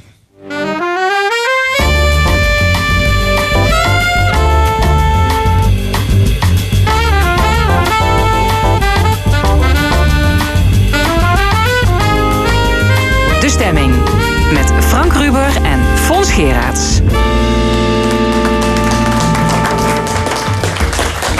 Opnieuw welkom bij De Stemming, het interview- en discussieprogramma van L1 Radio. Rechtstreeks vanuit Café Forum in Maastricht. Wat nog allemaal in de tweede en laatste uur. Even na half één discussieert het opiniepanel over Albanese bendes en andere actuele zaken. We hebben een column van Nina Bokke en de muziek die is van The Man Comes Around. Maar eerst ecologische rampspoed. De rode lijst van het Wereld Natuurfonds is duidelijk. 26.000 diersoorten worden bedreigd met uitsterven. Van de neushoorn in Afrika tot de bijen in onze eigen tuin. En dat uitsterven gaat steeds harder. Wetenschappers verwachten dat de zogenoemde extinctie vroeg of laat ook onszelf, de mens, zal raken. Een onheilspellende gedachte. Filosoof René ten Bos heeft onderzocht hoe wetenschappers denken over het einde der tijden. Hij beschreef in zijn boek Extinctie. Ten Bos is eh, ja, helaas niet komen opdagen. Wel is hier Frank Wassenberg, bioloog en Tweede Kamerlid voor de Partij voor de Dieren. En op ons verzoek heeft hij het boek gelezen. Dat scheelt, Frank. Welkom. Dankjewel. Ja. Ehm, ik kan me voorstellen dat veel mensen, als ze dit gaan lezen, dat ze toch wel neerslachtig worden hè, bij de gedachte dat dieren en uiteindelijk ook mensen uitsterven. Eh, hoe bent u er eh, aan toe na het lezen van het boek? Ehm, nou, ik, het, het was voor mij natuurlijk niet een heel nieuw onderwerp. Uh, zeker als Partij voor Dieren maken we ons zorgen over het grote uitsterven in de wereld en in Nederland. Dus ik had er al veel over gelezen. Dit was voor mij heel interessant, omdat het wel een heel nieuw perspectief gaf. Het was vanuit filosofisch oogpunt geschreven. Ik ken natuurlijk vooral de ecologische rapporten en uh, de biologische stukken. Dit was vanuit de filosofie, filosofie geschreven. Ik kan me voorstellen dat mensen er neerslachtig van worden. Want er is in het boek, wat mij betreft, vond het zeer interessant. Maar één ding dat ontbrak een handelingsperspectief. Nou is handelingsperspectief en filosofie, dat gaat misschien niet heel goed samen. Filosofen denken graag na en bieden denk ik niet altijd een handelingsperspectief. Maar je kunt wel iets doen. Misschien dat we daar nog eventjes over gaan hebben. Maar het is een beweging die al tientallen jaren, misschien 150 jaar gaande is. Hij kan gekenterd worden, alleen dan zullen we op een andere manier ons leven moeten inrichten. En op een andere manier gebruik maken van de aarde. En dat is wat in het boek niet staat. Het is een analyse dadelijk kunnen hebben over wat we eventueel als burgers en als politici kunnen doen. Zeker, want eh, het boek, eh, als je het leest, is het eigenlijk het, het grote somberen. Ja, het is het grote sombere. Het, het, het gaat ook slecht. En, en, en er verdwijnen echt dagelijks honderden dier- en plantensoorten. Het boek gaat vooral in op dierensoorten. Maar plantensoorten verdwijnen natuurlijk ook. En er is een heel veel samenhang tussen het uitsterven van planten- en dierensoorten. Dat is bijvoorbeeld als je naar Nederland kijkt. Uh, in Nederland uh, wordt heel veel uh, Engels rijgras gekweekt op, op akkers. heel veel gifgebruik. Daardoor zijn er geen kruiden meer. Er zijn er geen bloemen meer. komen geen insecten meer. Weidevogels gaat slecht mee. Het hangt allemaal met elkaar samen. Het verdwijnen van plantensoorten gaat heel erg samen met het verdwijnen van diersoorten. En dat is inderdaad om somber van te worden als je het leest. Totdat je realiseert dat we er wel iets aan kunnen doen. We kunnen de boel anders inrichten. Ja, dit, dit, is inderdaad dit is een filosofisch boek. Ja. Hè? Um, onheilstijdingen over het einde der tijden, die kennen we natuurlijk al eeuwen. Hè? Ooit was dat uh, eigenlijk bepaald door het christelijk geloof. Tegenwoordig is het dus ook de wetenschap die aangeeft... ja, we zijn onze aarde zo ver aan het opwarmen... dat het uh, allemaal wel fataal kan worden daar gaat dit boek gaat daar niet op door op de vraag: kan die wetenschap misschien ons ook wel redden? Ja, ik denk niet dat de wetenschap ons kan redden. Ik denk dat een verandering van ons gedrag ons kan, uh, kan redden. Um, het, het, het, boek is inderdaad een analyse van wat er allemaal is fout gegaan in de afgelopen 150 jaar. En ik denk als wij nu alleen maar ons gaan focussen op wat de wetenschap kan doen, eventueel technologische veranderingen, ja, dat is hopen op iets dat gaat komen. Alleen, ja, we hebben eigenlijk allemaal de wapens in onze handen om er iets aan te doen. Bijvoorbeeld mes en vork. Kijk, als je gaat kijken naar Nederland, laat ik het even zo, zo, zo klein mogelijk en zo veel mogelijk in onze eigen kring houden. Nederland is ook het grote uitsterven gaande. Nederland is op dit moment nog maar 15% van de biodiversiteit van een 200 jaar geleden. Dat is allemaal berekend door planbureaus in Nederland. Is, is dat voor een groot deel ook niet een natuurlijk proces, wat gewoon in de loop der tijd plaatsvindt, dat nee. soorten uitsterven? Nee, soorten sterven uit. Alleen dat is een heel geleidelijk proces. Daar gaan honderden, duizenden jaren overheen. En in die diezelfde tijd komen er weer nieuwe soorten bij. Wat je nu ziet is dat het uitsterven op een ongelooflijk snelle manier gaat. Het is nooit eerder vertoond. Zelfs het uitsterven van de dinosauriërs ging over, over honderden duizenden jaren. Het was toch maar één klap, geloof ik, hè? Een meteoriet. Ja, dat was, dat was één meteoriet, 65 miljoen jaar geleden. Ja. Er zijn meer van dat soort uitstervingsgolven geweest. Maar de mate waarin het nu gebeurt, dat is eigenlijk nooit geëvenaard. Dus het gaat nu sneller dan ooit. En er is één factor aan te wijzen. Dat komt door de mens en door ons, ons landgebruik ja, wij zijn er zelf verantwoordelijk voor. Is het niet opmerkelijk eh, dat dat grootschalige uitsterven... dat dat niet tot meer aandacht en misschien ook wel grotere verontwaardiging leidt? Ja, dat, dat, daar, daar heeft trouwens uh, René ten Bos... Dat, dat hij stelt die vraag, heel mooi. Hij stelt de vraag, hij beantwoordt hem ook. En hij zegt, ja, het, het, ik doe het even in mijn eigen woorden. Het gebeurt een beetje ver van ons bed. Het gaat over een, een, een periode van jaren, soms tientallen jaren. En dat is allemaal te ver voor ons. We sluiten onze ogen daarvoor. En dat is een heel mooi voorbeeld hoe dat in de praktijk werkt. Uh, vorige week had de Partij voor Dieren een congres. Daar was ook iemand die had een boek geschreven, Jan Tientenboer, over landschapspijn, over het veranderende Nederland, Nederlandse landschap. En ze zei, ik hoor bijvoorbeeld de veldleeuwerik, hoor ik niet meer. Die hoorde ik 20, 30 jaar geleden wel en die is er niet meer. En zij vond dat heel erg. En ze sprak erover met een boer. En die boer zei, ja, maar waar maak je je druk over? Die kinderen van tegenwoordig, die kennen het geluid van de veldleeuwerik niet meer. En wat je niet kent, kun je ook niet missen. Dus wat is het probleem? En dat beschrijft René ten Bos het- het ook. Shifting baseline Shifting syndroom noemt baseline syndrome. Je weet niet meer wat je mist. Je weet niet meer wat je wist. En de mensen die dat van vroeger kenden, die missen het wel. En die worden een beetje beschouwd als oude zeurpiet. Ja, vroeger was zeker alles beter. Maar dat, dat geeft wel aan dat je het ziet veranderen in een generatie. De, de generatie van nu heeft een hele andere ervaringen met wat je in de natuur kunt zien. dan de generatie van pak een beetje 20, 30 jaar geleden. Ja, al, al die hoe heet het, de, de vogels, de weidevogels die verdwenen zijn. We, we- we zien het niet meer. En allemaal in korte tijd. Alleen we, we zien het niet. En ja, wat je niet meer ziet, mis je ook niet. Ja, maar zou- zou het iets ehm, kunnen veranderen als grote namen ons misschien een geweten proberen te schoppen? Eh, ik zit bijvoorbeeld te denken, eh, er is een nieuwe serie op Netflix, die heet Our Planet. Weet niet of je hem gezien hebt, die is vrijdag begonnen. Eh, Sir David Attenborough, die eh, spreekt dat in. En hij had het in die eerste uitzending, had hij, eh, dat was nogal tamelijk onheilspellend, zei hij ook, de natuurlijke balans op aarde wankelt. Zou het iets. Zou, zou, zou, zou er misschien meer grotere mensen moeten zijn die ons ja, toch gaan waarschuwen? Nou, alle aandacht die ervoor is, is natuurlijk meegenomen. Alleen ik denk dat het niet zoveel zin heeft om iemand een geweten te schoppen. Wat ik denk dat wel eh, belangrijk is om mensen te laten zien dat er een handelingsperspectief is. Bijvoorbeeld een van, de, een van de factoren waardoor het misgaat is als je gaat kijken naar de grootschalige ontbossing in het, eh, in het Amazonegebied. Daar verdwijnen elke dag echt duizenden hectares eh, aan regenwoud. En daar komen sojaplantages en palmolieplantages voor in, voor in de plaats. Nou, die soja die wordt voor een heel groot deel gebruikt om aan onze koeien, kippen en varkens eh, te voeren. Daar worden ze het regenwoud voor gekapt. Die koeien en varkens stoten aan de andere kant weer heel veel CO2 en methaan uit, waardoor de klimaatverandering sneller optreedt. Ehm, dus door ons, onze manier van dieren fokken, verandert het klimaat, maar verandert ook het Amazonegebied, want het regenwoud wordt daarvoor gekapt.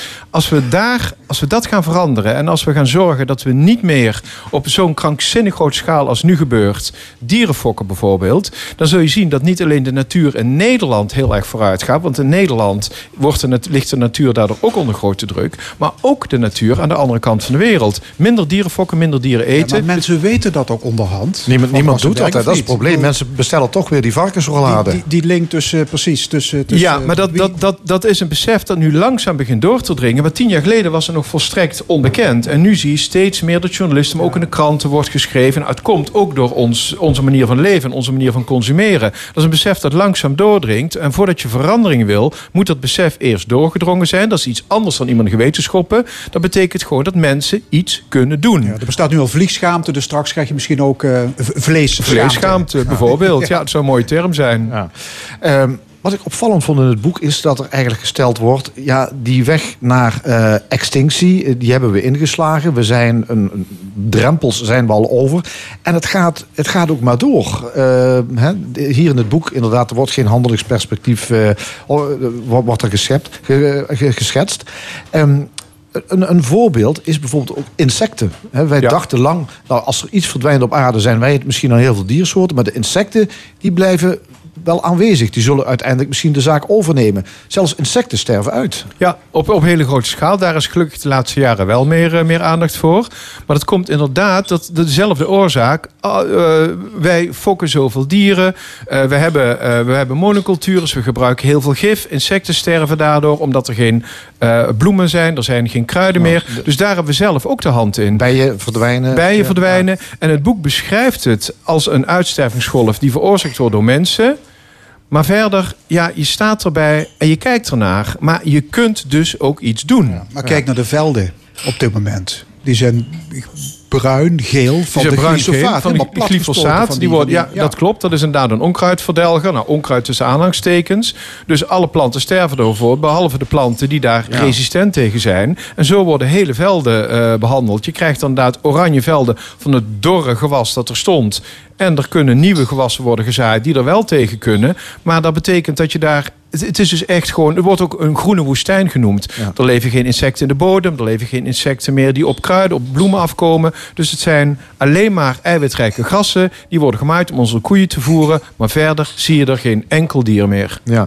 Eh, René ten Bos be- beschrijft in, in zijn boek eh, Extinctie... dat wij de natuur, zeker in het Westen, graag zien als iets moois. Iets harmonisch. Ehm, ontkennen we daarmee misschien ook het gevaar dat die natuur juist vreed kan zijn en dat die kan terugslaan?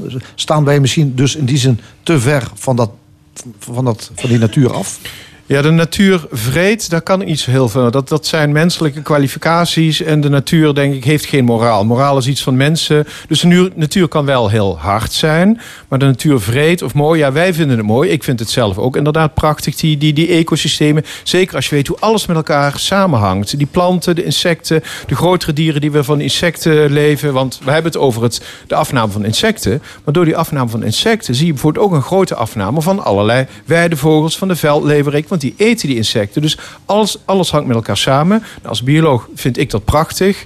Alleen ja, vreed, daar kan ik zelf niet zo heel veel mee. Nee. Het meest onheilspellende deel van het eh, boek van René ten Bos, dat is denk ik het tweede deel, dat heeft als titel De extinctie van mensen. Nou ja, wat wil je nog meer? Ehm, wat- u heeft dat eh, gelezen. Wat dacht u ervan? Ja, dat was, moet ik eerlijk zelf toegeven, ook een deel waar ik iets meer moeite mee had. Omdat het eerste deel, dat gaat heel erg over alle biologische processen. En het tweede deel worden vooral filosofen het woord gelaten. En de ene filosoof vindt dit en de andere filosoof is het niet mee eens. Dus ik heb het met interesse gelezen. Alleen voor mij was dat eigenlijk zo nieuw dat kwartje moet nog eventjes helemaal eh, vallen. Maar hij beschrijft inderdaad ook de situatie dat de mens deel uitmaakt van het ecosysteem. En het verdwijnen van soorten zou op termijn wel eens kunnen leiden tot het uitsterven van de mens. En dan zijn er allemaal filosofen die het een heel goed idee vinden, of die dit juist helemaal geen goed idee vinden. Maar dat is wel iets waar we rekening mee moeten houden. Want we doen nu alsof we ecosysteem hebben. En daarnaast hebben we de mens. Maar de mens is ook maar een dier. En de mens leeft op dezelfde planeet. We hebben maar één planeet. En de mens maakt dus onderdeel uit van dat hele fragiele evenwicht. En dat evenwicht zijn we nu op een hele erge manier aan te, aan te laten wankelen. Ja, dus in die zin is het wel logisch om deze waarschuwing af te geven. Uiteraard, want op het moment dat het ene ecosysteem naar het andere eh, omvalt, dat zijn ecosystemen waar wij afhankelijk van zijn als het gaat om onze voedselvoorziening. Er wordt nu al gesproken dat als er bijen eh, uitsterven, bijen zijn bestuivers, er zijn allerlei planten die afhankelijk zijn van bijen als bestuivers. Sommige planten zijn afhankelijk van de wind, nou die worden dan hier niet door geraakt. Maar dat betekent dat de secten sterven, dat ook allerlei planten het heel moeilijk gaan krijgen. En op het moment dat die planten voor mensen een economisch voordeel hebben, daar, daar heb je het wel al. Op het dat de economie erdoor geraakt wordt, dan worden mensen opeens allemaal eh, eh, gealarmeerd.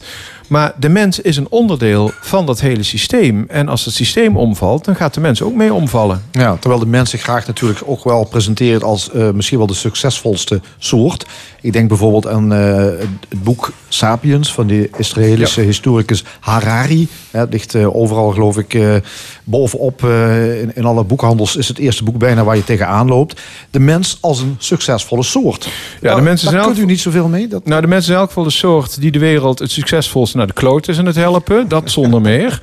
Ehm, maar wat ik zei, de mens is ook de soort die het kan veranderen. En die het ten goede kan keren. Alleen dan moeten we wel iets doen. En dat, dat, dat geldt voor mensen individueel. En dat geldt ook voor ons als politici. Wij moeten de boel nu omdraaien. Niet alleen in Nederland, maar ook in Europa en in de hele wereld. Dus we zijn de boel aan het ontwrichten. Wat dat betreft, daar zijn we inderdaad succesvol in. Nou, ik doe mijn best om ook succesvol te zijn in het veranderen en ten goede keren van de hele situatie. Ja, nou ja, René ten Bos zit er niet, dus kan ik hem die vraag niet stellen. Dat is jammer. Maar hij heeft eigenlijk eh, geprobeerd om of je er filosofisch op, eh, met filosofisch redeneren achter kan komen. Of wij nou bij de eerste mensen zijn in de loop der geschiedenis. Of dat we misschien bij de laatste zijn. Ehm, ja, kun- ja hoe, kijkt u dat tegenaan? Kun je, daar iets mee? Ja, nou, hij, hij heeft het inderdaad over pessimisten en optimisme. Optimisten, nou, ik hoor eigenlijk bij allebei niet. Want pessimisten die zeggen, nou, het gaat helemaal verkeerd... en, en eh, we kunnen er niks meer aan doen. En optimisten zeggen, nou, we zijn de meest succesvolle soort... dus we maken ons druk over, er komt dadelijk een oplossing. Ik denk dat ik een middenpositie inneem. We zijn de boel inderdaad aan het verpesten... maar we kunnen ook iets doen. En dat is inderdaad wat ik zei, wat ik miste, dat handelingsperspectief. Het is niet zo dat we erbij staan en daarna kijken en niks kunnen doen. We staan erbij, we kijken ernaar en we kunnen de boel ook veranderen. Ja, minder mensen, is dat een oplossing? Nou, dat hoeft niet eens per se minder mensen te zijn. Op het moment dat eh, we als mensen ons leven anders gaan inrichten, dat hoeft niet minder te zijn. Maar op het moment dat we bijvoorbeeld minder vlees gaan eten. En, en dat, dat lijkt een klein iets, maar dat is geen klein bier. Als je naar Nederland kijkt, in Nederland worden per jaar meer dan 600 miljoen dieren gefokt geslacht en gegeten en naar het buitenland eh, eh, geëxporteerd. Meer dan 80% gaat naar het buitenland. 600 miljoen dieren op een bevolking van 17 miljoen. Dat, dat kun je niet voorstellen. Dat is zo buiten proportie. Maar als we dat veranderen en we gaan minder dieren fokken... en de dieren die we fokken, fokken we ook op een manier... die beter is ook voor het milieu. Sowieso minder dieren is al goed voor het, eh, voor het milieu. Maar op het moment dat we dat veranderen... dan gaan we in elk geval de natuur in Nederland redden op de korte termijn. Want je ziet als er minder gif wordt gebruikt... minder gif wordt gespoten... dan komen die insecten binnen een aantal jaar weer terug. Maar ook op de langere termijn de, de natuur aan de andere kant van de wereld. Want we zullen geen regenwoud meer hoeven te kappen. In elk geval niet voor onze dieren. En dat is wel een, een beweging die wereldwijd eh, tot stand moet komen. Maar we kunnen dus echt iets doen. En onze wapens zijn ons mes en vork. Ja, als je het boek leest, eh, we hadden het er al over, eh, dan krijg je het idee, ja, ons lot is niet meer te keren. We gaan gewoon af op de grote kladderadatsch. Ik kan me voorstellen als mensen dat lezen, eh, dat je ook ja, overgegeven wordt, misschien massaal bevangen wordt door een bepaalde zinloosheid. Van ja, wat maakt het allemaal nog uit? Ja, maar dat, dat, dat heeft inderdaad te maken met de manier waarop het beschreven is. Als een filosoof, wat, wat ik zei, filosofen en handelen, dat gaat niet altijd goed samen. Filosofen zijn meer van de analyses. En die analyse die onderschrijf ik ook helemaal. Alleen, ik heb het boek dus niet als filosoof gelezen, maar als politicus en als bioloog. En als bioloog zeg ik, nou, misschien is het af en toe nog wel erger dan hij het eh, omschrijft. Want hij, gaat, hij omschrijft het op, op wereldschaal, maar bijvoorbeeld hij kijkt niet naar de Nederlandse schaal. Nou, daar weet ik ook iets van. Maar het allerbelangrijkste is, ik heb het boek ook gelezen als politicus. En elke keer ging bij mij mijn hoofd een belletje af met, oh ja, dit zouden we hier aan kunnen doen en dit zouden we daaraan kunnen doen. Dus het, eh, ik kan me voorstellen, als je het leest en er is geen handelingsperspectief, je staat erbij, je kijkt ernaar, je ziet het gebeuren, dat je denkt, oh nee, dit komt nooit meer goed. Maar we kunnen het echt ten goede keren. Ja, maar mensen zouden wel die indruk kunnen krijgen. Niet alleen door dit boek, maar misschien door de veelheid aan informatie die je krijgt over ja, veranderingen in, in het klimaat. eh, inderdaad, ecosystemen die afbrokkelen. Dat je denkt, ja, na ons de zonvloed. Ja. de- Dat klopt. En waar, dit, waar, waar ik dit boek belangrijk om vind, is het draagt wel bij aan die bewustwording. Want hij schrijft ook in het boek, en heeft René ten Bos ook in een aantal kranteninterviews gezegd. We zien het gebeuren, maar we onttrekken ons eraan. Het, we, we, we vinden het niet erg. En ik denk de manier waarop hij het omschrijft is echt... Nou, je, er is geen ontkomen aan. Het is verschrikkelijk en we moeten er iets aan doen. En dat we er iets aan doen moeten... Nou, dat, dat ligt dan weer bij andere mensen dan, eh, dan filosofen. Maar die moeten inderdaad eh, die bal oppakken. ja, René ten Bos kon er ook nog wel om lachen. Om het einde der tijden, trouwens, eh, schrijft hij. Nou, ik moet zeggen, ik heb ook wel gelachen bij het lezen van het boek. Hij is af en toe wel cynisch op een vrolijke manier. Ik, ik zeg zelf, als je de politiek in gaat, dan moet je eigenlijk een vrolijk cynisme. Het gaat slecht. Aan de andere kant, ja, je kunt je er vrolijk over maken, maar zeker omdat je er iets aan kunt doen. En het boek is wel heel erg leuk geschreven. Het, het, het, wat hij beschrijft is inkt en inktzwart. Ja. Maar eh, het is op een leuke manier geschreven. En hij maakt zich er af en toe eh, vrolijk mee. En ik heb met hem meegelachen bij het lezen. Zou het af en toe dingen met opzet wat aandikken? Ja, absoluut. En dat schrijft hij zelf ook. Hij, eh, hij af en toe probeert hij inderdaad een beetje te provoceren. En, en, en dat, dat, dat omschrijft hij zelf ook. En soms maakt hij ook het, het, het, het werk van bepaalde filosofen... plaatst hij in een wat ironische context. Dus het is echt leuk geschreven. En hij, hij, hij schetst zelfs hoe je tot een intieme relatie met het einde der tijden zou kunnen komen. hè? Ja, klopt. Ja, dat is natuurlijk ook eigenlijk eh, zo Wat, cynisch een dat het weer intieme grappig relatie wordt. met het einde der tijden? Intieme relatie. Ja, ik denk dat ik het niet. Ik denk dat ik het moeilijk in mijn eigen woorden samen kan vatten. Dus, eh, maar daar, daar schrijft hij inderdaad in het allerlaatste hoofdstuk eh, over. Of hoe je daarmee bijna in het reinen zou, eh, zou kunnen komen. Maar goed, dan verwijst hij weer naar allemaal filosofen. Dus ik denk dat ik dat deel wat iets Ja. minder goed kan recapituleren. Had hij, maar, had hij maar moeten komen, had hij ja, het kunnen precies. Hij uitleggen. kan zo een lijstduwer worden van de Partij voor de Dieren. Nou, wat dat betreft, wat, wat, wat de inhoud van het boek betreft, eh, zullen we niet vechtend over straat gaan. Wat dat betreft is het jammer dat hij hier niet is. Maar het zou geen, eh, Ja. het zou geen aan tafel geworden zijn. Gelukkig dat u er wel was. Frank Wassenberg van de, de Partij voor de Dieren. En ik noem nog één keer de titel van het boek waar het allemaal in staat. Dat is Extinctie en dus uitgegeven door Boom. Zometeen in de stemming de column van Nina Bokken, gevolgd door het discussiepanel. Maar eerst live muziek. Op het podium het Heerlandse trio The Man Comes Around. Gespecialiseerd in het rijke uiveren van Johnny Cash. Vijftig jaar geleden verscheen trouwens een beroemde gevangenis-LP at San Quentin. We gaan luisteren naar God's Gonna Cut You Down.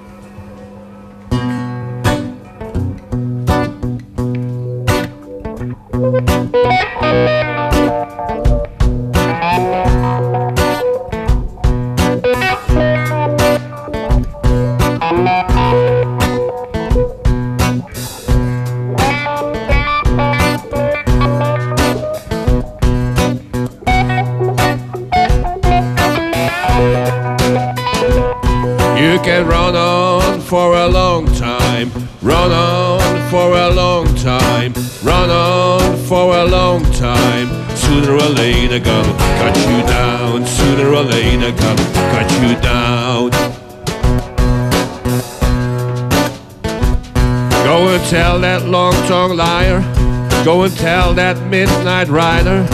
Tell the rambler, the gambler, the backbiter. Tell him that God's gonna cut him down. Tell him that God's gonna cut him down.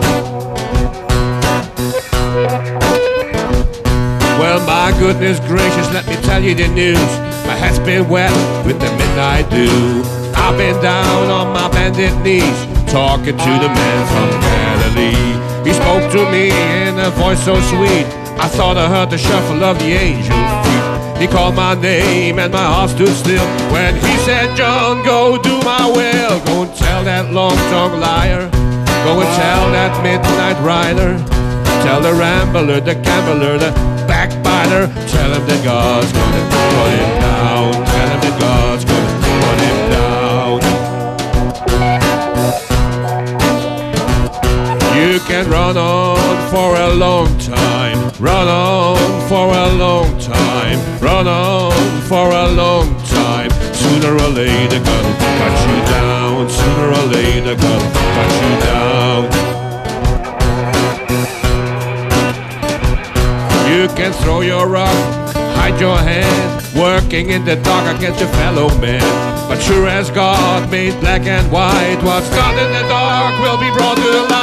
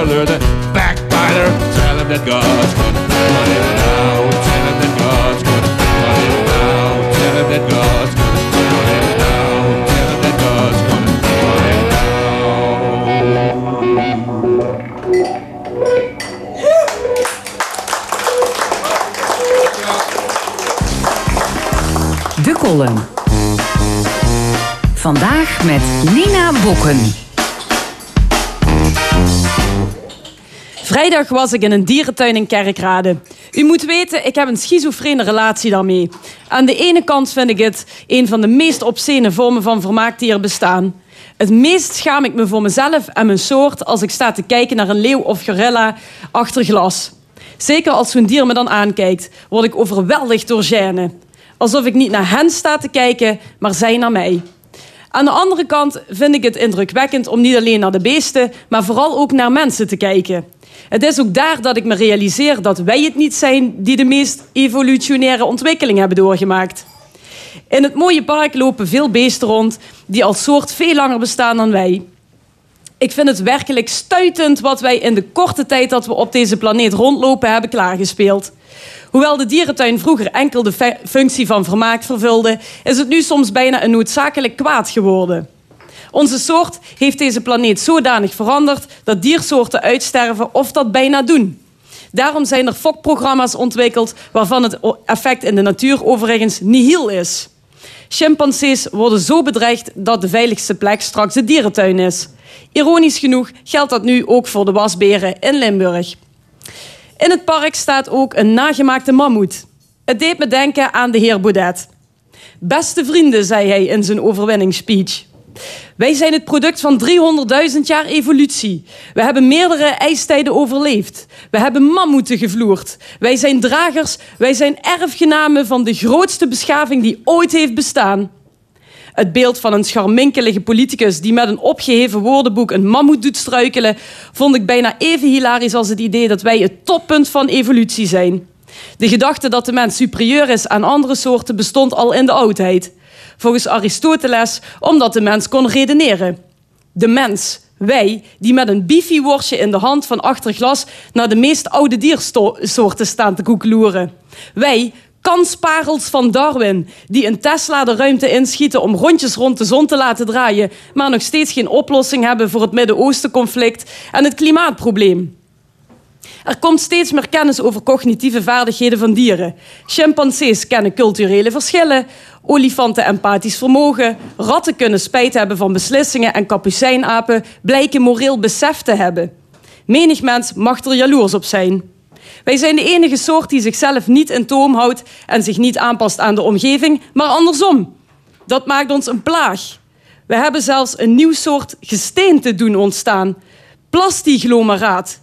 Dat is strandzand vermengd met plastic deeltjes uit de geosfeer, die door hitte van de lava zijn omgevormd tot een nieuw sediment. Hebben wij de evolutie even tuk? Dat precies dat leidt tot bedreiging van onze eigen soort, doet me toch vermoeden dat wij een heel verkeerde waarde of interpretatie toekennen aan ons intellect. De evolutie schrijdt voort, ook bij de mens. De blinde darm sterft af, verstandskiezen zullen verdwijnen, vrouwen komen later in de overgang. Verder denk ik dat we uiteindelijk weer krom gaan lopen. Dat maakt het namelijk makkelijker om op onze telefoons te kijken. Je ziet het nu al gebeuren. Misschien gaat de geëvolueerde menssoort dan over op andere reservaten ter vermaak. Ik zie mijn achter, achter, achter, achter kleinkinderen al langs de verblijven lopen van blokkeervriezen, klimaatdrammers, antivaxers en boreaalroepers. Wat is dat voor dier, mama, naast die uil? Oh, dat is de Homoforum, familie van de klimaatontkenners. Kijk maar, daar ligt er een, op een piano. Er zijn nog maar een paar van over. Ze richten zich enkel op hun eigen familie, wat leidde tot inteelt. De brokstukken van hun beschaving liggen nog in een vijver in Maastricht.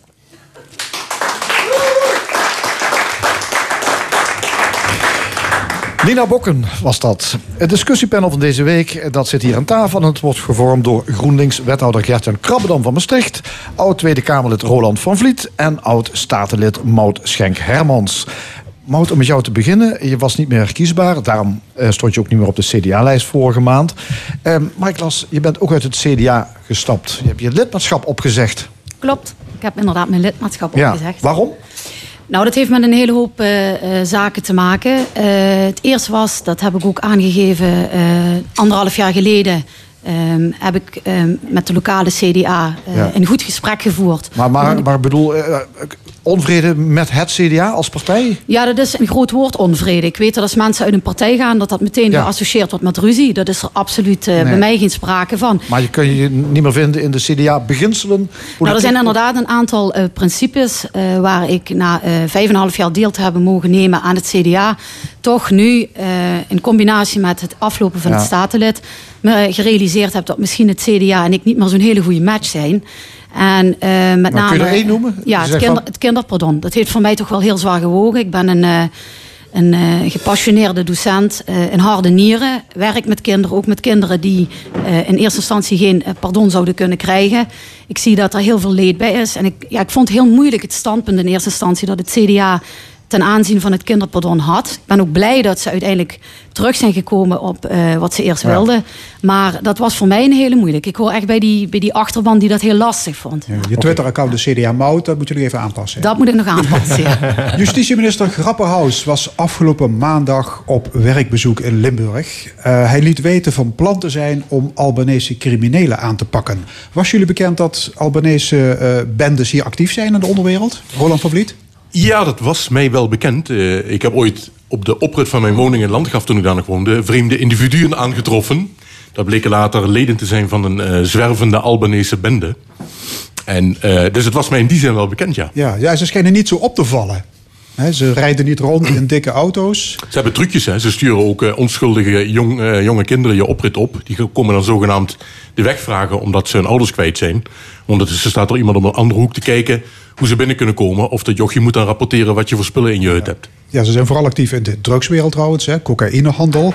De minister is zelfs naar Tirana gevlogen om de regering daar aan te sporen om die criminelen aan banden te leggen. Gert-Jan Krabbedam, zou dat veel indruk eh, hebben gemaakt? Ehm, ik denk het niet, want dan had hij er misschien eh, die minister al wel eerder wat aan gedaan natuurlijk. Hè? Want eh, ze komen niet zomaar ineens in Nederland. Ik heb begrepen dat ze eerder al in Engeland heel actief zijn geweest... en daar juist heel hard zijn aangepakt. En eh, om die reden gewoon zoeken Toen naar... ze uit Randstad. Bijvoorbeeld, ja. Eh, dus het is eh, net een beetje zoals ook de, de, de problematiek die we eerder in Maastricht hadden met drugsrunners. Eh, een andere groep was dat, geen Albanese in dat geval. Die ook toen ze in Rotterdam heel hard werden aangepakt, juist bijvoorbeeld naar Maastricht toe kwamen, omdat hier minder hard werd aangepakt op dat moment. Dus het is een soort van ver, verplaatsend probleem. Ja, Albanese staatsburgers die kunnen trouwens vrij reizen in Europa. Er wordt door sommige politieke partijen gepleit voor herinvoering van de visumplicht. Is dat een verstandige aanpak?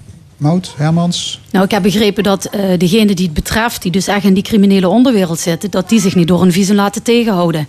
Dus uh, ja, dan werkt het dus niet. Wat werkt wel? Uh, om even terug te keren naar die visum, naar dat visum. Kijk, uh, je moet altijd ergens een begin maken. En alle dingetjes die je eigen samenleving veiliger kunnen maken door een simpele maatregel als een visum, daar ben ik, uh, daar ben ik voor, voorstander van. Wat helpt wel? Uh, ja, ik denk maar is dat niet enorm stigmatiserend voor alles wat Albanese is? Dat hangt er een beetje vanaf. Die samenleving van Albanië is iets heel anders dan de samenleving van de gemiddelde West-Europese staat. Dat is ook iets anders dan bijvoorbeeld de Poolse samenleving. Albanië was jarenlang het armste land van Europa. Je kunt de hele cultuur en hoe men daar leeft niet vergelijken met hoe we hier samenleven. Dus op, op, maar ze zijn kandidaatlid van de Europese Unie. Dat vind ik een heel merkwaardige zaak. Je kunt wel zeggen, uh, dat gaat ze vooruit helpen. En je trekt die mensen aan hun haren uit de modder. Maar uh, daar gaat ook een heel lang overgangstraject gaat daar weer aan uh, te pas komen. En dat heeft hele kolossale investeringen nodig. Ja goed, je bent daar voorstander van of tegenstander. Maar zover is het gelukkig nog niet. Je moet nu kijken hoe de situatie nu is. Als, je, als, als, als Alba Albanese bendes een gevaar vormen voor onze samenleving... ja, dan moet je iets doen. Ja, ik heb Grapperhaus maandag niet horen vertellen hoe hij dat wil gaan doen. Krabberdam? Ja, misschien dat hij ook de bendes niet wijzer wil maken dan dat ze al zijn. Dus als hij rond gaat vertellen hoe hij ze gaat aanpakken, dan uh, kan ik me voorstellen dat men zich daar ook meteen weer op uh, kan voorbereiden. Hè? Um, en dat is vaak uh, natuurlijk met georganiseerde criminaliteit het grote probleem dat het zich iedere keer weer ontwikkelt. Hè? Dus stel nu dat er weer iets nieuws wordt uitgevonden, dan weten ze dan weer een andere manier om dat te omzeilen. Ik blijf toch van mening dat als, um, als je eigenlijk nagaat dat, dat de grootste voedingsbodem voor dit verhaal altijd een illegale markt is. In dit geval zijn het dan harddrugs. Dan zeg ik niet, moeten, laten we dan harddrugs maar legaliseren. Maar feit is wel dat daar waar vraag is, vanzelf ook een aanbod komt, als, uh, ook als het verboden is. En ik denk dat daar toch misschien meer de oplossing gezocht moet worden. Ik denk overigens wel, zolang die uh, Albanese overheid en een deel van de Albanese samenleving dat hoopvol vindt dat ze ooit lid kunnen worden van de EU, is dat wel een, een drukmiddel hoor. Als je naar die regering toe blijft gaan in Tirana. Dus zeggen, luister, jullie moeten wel stappen zetten voordat wij doorpraten over zo'n mogelijk ja, maar, lidmaatschap. Maar daarom is toch het kandidaatlidmaatschap toch prima. Want dat is juist een onderhandelingsfase waarin ze ook een hele ontwikkeling moeten doormaken. Hoe lang zit Turkije al in de kandidaatstatus? Al decennia.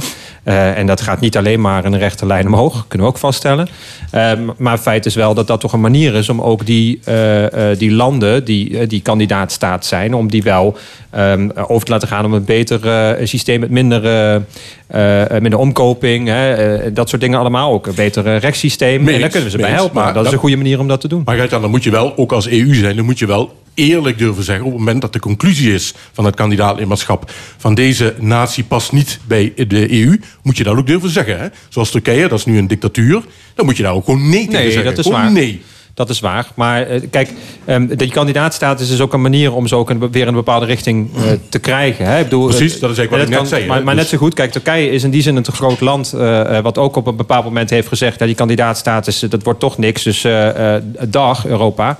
Eh, eh, hè, dat kan ook gebeuren, maar ik denk dat het met Albanië anders is. En als je nagaat dat alle, zo'n beetje alle buurlanden van eh, Albanië... zo'n beetje al wel lid zijn van de Europese Unie. Griekenland, Bulgarije, Roemenië. Ehm, eh, dan kan ik me niet anders... Ja, het is toch heel raar om dat te zeggen. Die landen kunnen wel lid zijn. En Albanië is zo extreem anders. Dat geloof ik nou ook weer niet. Laten we toch maar gebruik maken van het kandidaatlidmaatschap... om dat Nee, zeker. heel, heel goed uit te zoeken. Dat zijn we wel eens. Ja. Dan gaan we naar onze eigen provincie weer terug. Ehm, de provincie Limburg heeft namelijk besloten dat jagers wasberen mogen gaan afschieten. Het dier geldt als een exoot. En Ja, die zou problemen opleveren voor de natuur en ook zelfs voor de mens. Het is wel een dierenprogramma vandaag. hè? Ja, Ja, op, ja. ja nu, nu, nu een succesvol dier dus, blijkbaar. Eh Maud, wat vind jij ervan? Eh, jagen op wasbieren, eh, wasberen, sorry. We hebben volgens mij deze discussie een aantal maanden geleden ook al gehad. En toen was het volgens mij ook de wasbeer. Ja. En eh, wat ik begrepen heb, volgens mij geldt dat nog met dat verschil dat de provincie nu besloten heeft dat er eh, op Maar ze zijn er ook wel, wat ik begrepen heb, een beetje door gedwongen vanwege eh, Europese eh, maatregelen, of in ieder geval eh, regels die er liggen.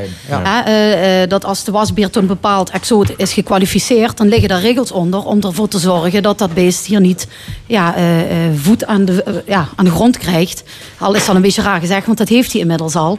Maar ik heb inderdaad ook begrepen dat het een, eh, eigenlijk een, eh, vergelijkbaar is met een, een draak. Als je die de kop afhakt, dat hij dan in tweevoud terugkomt. Omdat een wasbeer zich eigenlijk niet laat uitroeien. Dat hij daar eigenlijk op reageert, dat hij zich dan gaat vermenigvuldigen. Dus ja, zoals ik het begrijp, is het in ieder geval een, eh, een handeling die je gaat toepassen. Met, maar dat kun je vergelijken als eh dweilen met de kraan open. Ja, een beetje zinloos, hoe zal ik dat jagen? Roland van Vliet? Ja, hm, hm, hm. dit is natuurlijk een ethische discussie. Ik zou zeggen, de mens heeft de wasbeer hier gebracht. Die hoort hier niet, dus de mens zou hem ook weer kunnen verwijderen. Even als basisgedachte. Maar dat, dat wringt, daar wringt ook bij mij de schoen. Want ik ben een dierenliefhebber. En ik ben ook niet zomaar over de grens van... ga die wasberen maar afschieten. Want ik, ik, ik zag dat er ook nog sprake is van de wilde kat. Nee, verwilderde kat. Verwilderde Dat kat. zijn twee, Verwilderde dat zijn kat. twee verschillende dingen. Ja, dat- Nou, nou, er stond in jullie schema stond wilde kat. ja, dus de Oh, verwilderde nee, kat. verwilderde kat. Ja, maar de, de, kijk, wil- kijk, nee, de wilde kat is echt een beschermde soort. Ja. Verwilderde kat is de kat die geen, geen baasje is meer eigenlijk gewoon de huiskat zonder, Ja, eh, nou. met een slechte jeugd. Ja, nou, die hoeft voor mij zeker niet afgeschoten te worden. Die wasberen in principe ook niet. Ik zou eerst echt willen weten hoeveel schade veroorzaken die wasberen nou. Is dat nou alleen maar een hype die uit Brussel weer komt aanwaaien? En gaan we daar allemaal met het palmblad wuivend weer voor eh, in gehoorzaam in het gelid. We gaan die wasberen Of gaan we even kijken wat er hier echt aan de hand is. En nemen we zelf een beslissing. Of dat dier per se geprobeerd moet worden, verwijderd te worden uit onze natuur of niet. Mijn gevoel zegt, la- laat die wasberen met rust. En ga eerst goed kijken of ze wel of niet echt schadelijk zijn voor onze eh, ecosysteem. Ja, maar ja, de provincie zegt, eh, we hebben geen keuze. De- Inderdaad, die Europese richtlijn die schrijft voor... als het een invasieve exodus die schadelijk is voor mens en natuur... ja, dan moet die eh, verwijderd worden. Altijd een kwestie van interpretatie. Ja, dat is inderdaad interpretatie. Want dat is dus de stelling die bioloog aanhangt. Mout zei al. Eh, als je er, eh, stel je hebt er tien en je schiet er twee af... dan gaan alle acht gaan zich opnieuw voortplanten. Terwijl dat zouden ze normaal gesproken niet doen... omdat de habitat nou eenmaal gevuld is. Eh, met tien, hè, dan zouden misschien twee zich voortplanten. Dan krijg je tien de twaalf. Maar als die acht zich allemaal gaan voortplanten... dan heb je er straks 16. En, en door het afschieten komt er dus juist meer voortplanting bij wasberen. Kennelijk werkt dat zo, ik moet het even aannemen. Maar dan is dus juist het afschieten contraproductief.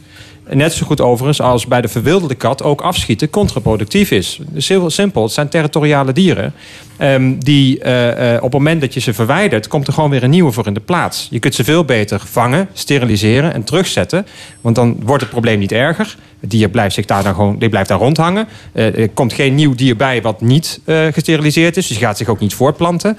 Op die manier hou je het probleem onder controle. Maar de, afschieten is nooit het goede, goede antwoord, denk ik. Ja? Ja, wat ik gewoon heel vreemd vind, is de regelgeving komt uit Brussel. En die informatie die wij hier bespreken over dat voortplanten en dat verdubbelen enzovoort, lijkt mij toch ook dat ze dat ook in Brussel weten. Dus mij, wil je dit überhaupt op een goede manier gaan reguleren, dan denk ik dat in Brussel daar het begin ligt. En dat inderdaad de mensen die die kennis hebben over die wasberen, in zijn gesprek gaan met de regelgevers, zodat wij dat in Nederland op een juiste manier kunnen toepassen. Want het lijkt me inderdaad, ja, als je er ene afschiet, dan ben ik het eh, met Roland eens. Ik vind die beestjes ook niet eh, eh, op zich verkeerd. Maar als ik er één afschiet en dan komen er twee voor terug, ja, dan werkt het averechts. Dus dan zou ik eerder eh, kijken Nee. hoe je dat inderdaad op een goede manier kunt aanpakken. Het is een beetje vraag, de vraag hoe de, de Brusselse eh, regelgeving op dit moment in elkaar zit dan. Hè? Maar als het een richtlijn is, dan wil dat zeggen dat de lidstaten zelf kunnen bedenken hoe ze die Mhm. uitvoeren om tot hetzelfde doel te komen. Dus je hoeft dan misschien helemaal niet per se af te schieten als je tot de conclusie komt dat dat niet het beste middel is in deze fase. Ik denk ook bovendien dat als je al ziet in Duitsland hebben ze zo gezegd dan te lang te weinig eraan gedaan. Je gaat het niet meer tegenhouden. Die wasbeer die komt op. Die gaat, die gaat verder komen. Want die vindt hier gewoon een ideale habitat. Zeker hier in de stad in Maastricht. Daar hangt hier rond in de Frankenstraat. In de buurt van de Wasserette de wasbeer. Niet toevallig. En ehm, eh, daar is gewoon heel veel eten in de buurt. En dat beestje past, die past zich dus net wel heel goed aan aan een andere omgeving. Die laat de omgeving niet aan zichzelf aanpassen. Maar die past zichzelf aan. Dus eh, ja, en je mag in de stad mag je sowieso mag je niet schieten op die dieren. Dat gaat ook niet. Dus ik ben heel benieuwd hoe eh, de provincie dat dan wil gaan doen. Kwestie van centen, denk ik. Budget voor dat sterilisatieprogramma. Ja, maar, ja, maar goed. Jagers kosten ook geld hè, om die in te Ja, zetten. Die zijn wel wat goedkoper, denk ik, dan vangen en een operatie. Ja, maar ik denk dat we wel af moeten van de automatische eh, reflex... die je toch ook vaak op provinci- provinciaal niveau ziet. Is er een dier dat ergens overlast veroorzaakt? Afschieten. Terwijl, eh, zelfs de wolf, hè, daar roepen ook al sommige mensen, schapenhouders van afschieten. Nee, die wolf kan juist helpen om die wasbeer onder controle te houden. Want wolven eten wasberen. Ja, nou. Goed, we gaan naar een ander onderwerp. De opmars van logistieke bedrijven in Limburg lijkt niet te stoppen. De Limburger meldde vrijdag dat er afgelopen jaar 360.000 vierkante meter aan distributiecentra is bijgekomen. Met als koploper de regio Venlo-Venray. Moot Hermans, hoe kijk jij daarnaar? Ja, voor de economie is het een goede ontwikkeling. Ik zag in het zuiden dat eh Heerlen op een tweede plek staat. Eh, ja, goed, als je puur kijkt vanuit economische redenen, het stimuleren van de welvaart en onze economie, is de logistiek natuurlijk een hele goede eh, en belangrijke branche. Waar je natuurlijk aan tegemoet moet komen als er groei is. Eh, ik redeneer dan ook op de langere termijn. Kan natuurlijk niet een groei zijn die eeuwig doorgaat. Ik begreep ook dat men cijfers voorspelt dat volgend jaar al minder zou worden. Dus ik denk wel dat het heel belangrijk is dat erop geanticipeerd wordt dat je de bouw niet tot in het oneindige door laat gaan. Maar voor Ja, de dat is de van. Gaat het niet ten koste van het open landschap, van natuur en, en, en milieu? Dat is geen hamvraag. Het antwoord daarop is gewoon ja.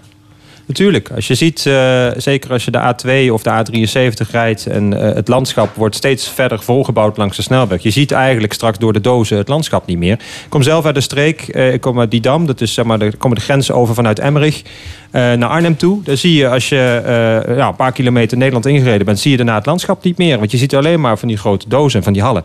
En als dat nou heel veel werkgelegenheid ten gevolg heeft, dan kun je er een afwegingen maken. Maar ik vraag me daar bij de logistiek eigenlijk wel af. Want zeker zo'n grote hal eh, is eh, als, je, als je het aantal banen afzet tegen het aantal vierkante meters dat het nodig heeft, is betrekkelijk laag. Zeker als dat eh, toegaat naar volgeautomatiseerde hallen. Dan Ja, heb je dus je hele Vorige landschap week hebben we weer een discussie over gevoerd over hetzelfde Ja. onderwerp, de Ja. verdozing van Limburg. Toen zat gedeputeerde Ak, Van den Akker aan tafel. En die had het over, ik meen, 60.000 arbeidsplaatsen in Limburg. 12% van de beroepsbevolking. Ja, je ziet het ook in het onderwijs. Het is een, eh, een onderwijssector die enorm toeneemt. Waar veel leerlingen ook vanuit middelbaar onderwijs toch naar gestuurd worden. Omdat daar in de toekomst meer banen liggen dan bijvoorbeeld in het administratieve. Dus eh, eh, daar zouden scholen ook niet op anticiperen als daar geen toekomstige groei in zou zitten. Maar kijk, het, het kan natuurlijk, als je als Limburg tussen andere landen ligt, dat de logistieke sector dit soort aantallen banen met zich meebrengt. Dat zou kunnen. Ik neem dat niet zomaar voor waar aan overigens, hè, want die gedeputeerde die prikt ook voor eigen parochie, die vindt het allemaal heel leuk. Maar over die verdozing van dat landschap, kijk, ja, de, de weilanden staan ook meer en meer vol met windmolens en zonnepaneelparken. Dat vind ik ook niet fijn uitzien. Er is ergens gewoon wel een grens. Als je bijvoorbeeld op de A2 naar het zuiden rijdt, dan kom je dat hele grote groene draak van een gebouw tegen. Van meneer Leyen heet die volgens mij. Ja, dat staat volgens mij nog leeg ook. Daar zul je als gemeente, want uiteindelijk is de gemeente de baas, zou moeten, moeten kijken van, had dat pand daar op die manier wel neergezet mogen worden? Dan kun je best wel iets doen aan de verdozing van het landschap. Maar ik woon zelf in Venlo. Venlo is logistiek heel erg belangrijk. Dus ja, in principe sta ik er positief tegenover dat die logistieke sector zich zo ontwikkelt. Ik zeg alleen erbij, ik, ik relativeer dat, want ook de logistiek is een economische sector die daalt en stijgt met de conjunctuur. Op het moment dat die daalt en we zitten in een crisis, zul je zien dat ook die dozen weer van deel af. Ja, ja, nou, Van de Akker zei, de komende jaren moeten we rekenen op groei van die megamagazijnen. Ja, Hij wil van Limburg zelfs het grootste logistieke knooppunt van Europa maken. Dan zul je toch een balans moeten vinden met andere belangen. En onder andere met het landschap, et cetera. Want als die conjunctuur dadelijk weer een keer daalt... en dat is een wet van Meen en Persen, die gaat weer een keer dalen... gaat deze gedeputeerde dan ook die dozen weer een keer afbreken. Ja, dat is moet dan ook probleem. Ik vind, ik vind het bijzonder onverstandig, omdat de ruimte ook in Limburg is gewoon schaars. En uiteindelijk draait het om verdelen van schaarste. En ik kan me voorstellen dat je, als je wil investeren in de logistiek, dat je er een bepaalde plek daar plaats van maakt. Alleen je moet wel goed nadenken waar je het allemaal niet wil en wat je nog, allemaal nog meer aan schaarse ruimte te verdelen hebt. Als je nagaat dat eigenlijk de grootste kracht van Limburg is, denk ik, bijvoorbeeld toch ook het landschap. Ehm, hè, dat is toch onze unique selling point, zeker in Nederland, waarvoor een heleboel mensen hier naartoe komen. Ehm, het is, ik vind het volstrekt onwelkom als je door een soort van eh, eh, tunnel van dozen eh, die weg naar Zuid-Limburg moet volgen. Dat je denkt, nou, voel ik me nou welkom in deze provincie of is het vooral. eh pff, Gert-Jan, er zijn gesprekken gaande over een nieuwe coalitie hè, in Ja. Limburg. Ja. Ehm, moet GroenLinks dit aan de orde stellen? Eh, dat moet de statenfractie van GroenLinks vooral zelf weten. Mijn opvatting is dat ik het heel onverstandig vind als we heel Limburg volbouwen met, eh, eh, met dozen. Eh, simpelweg omdat de ruimte schaars is en het landschap gewoon enorm belangrijk is. Ook voor onze toeristische sector, waar ook heel veel banen in zijn. En laten we één ding voorop stellen. Uiteindelijk eh, hebben we in Limburg straks eerder een probleem dat we te weinig werknemers hebben dan dat we te weinig banen hebben. Dat ook. Maar dus doe, je doe moet het toch kiezen. Gert-Jan, dat doe het met beleid. Als die dozen er eh, komen, die hebben nuttige economische functie en die leveren banen op, concentreer het dan op plekken die daar echt voor geschikt zijn en waar niet iedereen tegen die dozen aankijkt. Zoals bijvoorbeeld bij, bij de luchthaven. Ik kan me voorstellen dat je daar nog een en ander doet, maar ga niet de hele A2 een muur van maken, zoals aan de Belgische kust, hè, waar alles vol staat met Nee, maar goed, maar we zijn al 15 jaar bezig met die verdozing. De vraag is, hoe, hoe, ver, kun je, hoe ver kun je gaan? Dat zijn dus grenzen. Maar daarin spelen Ja, maar- gemeentes maar is de tijd rijp want die voor geven die terrein uit. Grondige herbezinning? Ik denk dat die iedere keer, iedere keer als je een nieuw provinciaal omgevingsplan maakt... en dat zit er nu weer aan te komen, zeker met de omgevingsvisie... Hè, daar zijn de gemeenten mee bezig, maar de provincie ook. Ehm, en ehm, eh, moet toch ook weer een heroverweging plaatsvinden... over waar dient ons landschap Ja. voor? Maar hè? ik waar willen daar we ruimte voor over. maken? Nou ja, goed, dat moet dus daar wel niet. gaan gebeuren. Ja, zeker wel. En dat moet ook zeker dan gebeuren. En ik denk ook dat het eh, een oproep is ook aan alle Limburgers... om vooral ook op provincie, niet alleen gemeentelijk niveau... want daar doen ze in Maastricht eh, de burgers gelukkig heel hard aan mee... en andere gemeenten ook, maar zeker op provinciaal niveau... ga als inwoner van Limburg meepraten. Praat mee over hoe je vindt dat het landschap eruit moet zien. Het is ook jouw landschap. Ja. En, en, die, en zeker, ik weet zeker dat op het moment dat je ook meer die bevolking daarin mee laat praten, dat uiteindelijk de eindconclusie voor de hand komt te liggen. Namelijk dat je niet overal dozen wil. En dat je daar dus met mate, met beperking, keuzes in moet maken. Simpelweg ook omdat je na moet denken hoe ontwikkelt onze beroepsvervolging zich.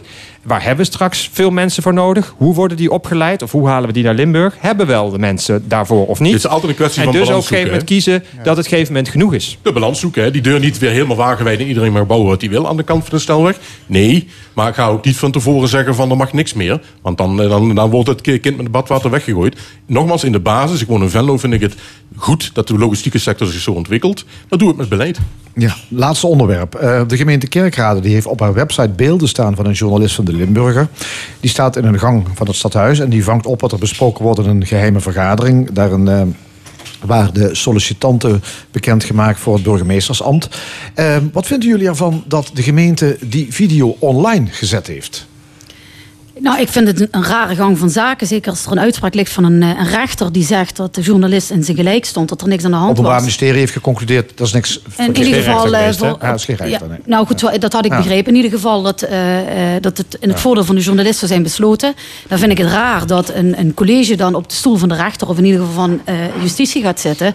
En dan toch eh, voor, in mijn ogen voor eigen rechter speelt om dan die beelden openbaar te maken. Ja, de gemeente zegt we willen zo transparant mogelijk zijn en laten zien wat daar gebeurd is. Ja, goed, dit werkt wel en het zou je in het voordeel van de gemeente kunnen uitleggen. Dus hoe transparant ben je dan als je toch wel een subjectieve houding hebt in dit onderwerp? Ik heb begrepen dat de gemeenteraad van Kerkrade geen debat wil. Nee.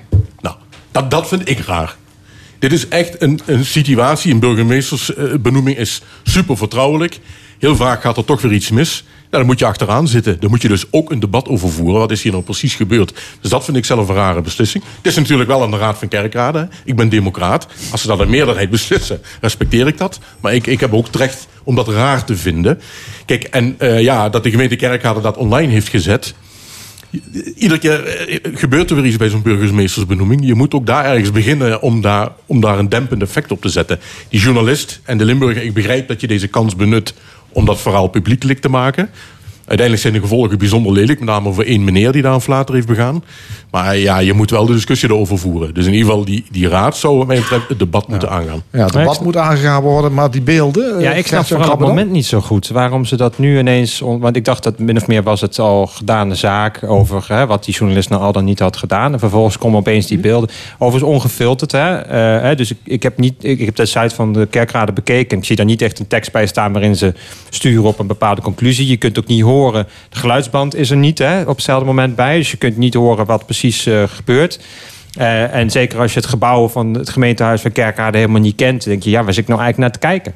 Dus ik, ik snap het gewoon niet zo goed wat nou precies de aanleiding is om die beelden nu online te zetten. Ik vaag en, en wat willen ze nou eigenlijk mee bereiken? Maar aan de andere kant denk ik ook, de journalist is niet herkenbaar.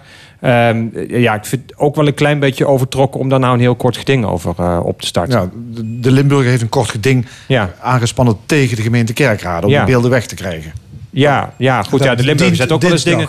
De Limburger zet ook wel eens dingen online waarvan de gemeente dan graag wil dat ze die van niet op de site staan. En dat is ook vrije pers en zo, toch? Dus eh, ja. Ja, ik, snap, ik, ik, heb, ik snap aan alle kanten eigenlijk het probleem niet zo goed. Ik vind vooral heel vervelend hoe de si- situatie daarvoor is verlopen. Hè? Hoe, hoe, hoe eigenlijk ook iemands eh, ehm, eh, ja, politieke carrière hierdoor eh, toch even een knauw krijgt. In dit geval dan de burgemeester van Heerlen. Maar ik denk dat dat ook wel iets is. Het ligt gewoon heel gevoelig. Het lekken van een naam in een, een burgemeestersbenoeming ligt gewoon heel gevoelig. Dat, dat, Ja. dat, hè, dat heeft met integriteit en, te maken. En op mij komt het een beetje over van waar leggen we de schuld neer? Wie is hier, heeft hier een schaats? Ja, maar die discussie was gevoerd. Was Hartelijk dank, Nee, discussiepanel. Vandaag met Maud Schenk Hermans, Gert-Jan Krabbedam en Roland van Vliet. Dank jullie zeer. En dit was de stemming. Vandaag gemaakt door Erwin Jacob, Maurice Hartgreen, Fons Geraas, Angel Zwas en Frank Ruber. Graag tot volgende week. En dan wederom hier vanuit Café Forum in Maastricht. Dit programma wordt herhaald maandagavond om 8 uur. En is ook te beluisteren op onze site l1.nl en via podcast. Ik wens u nog een mooie zondag.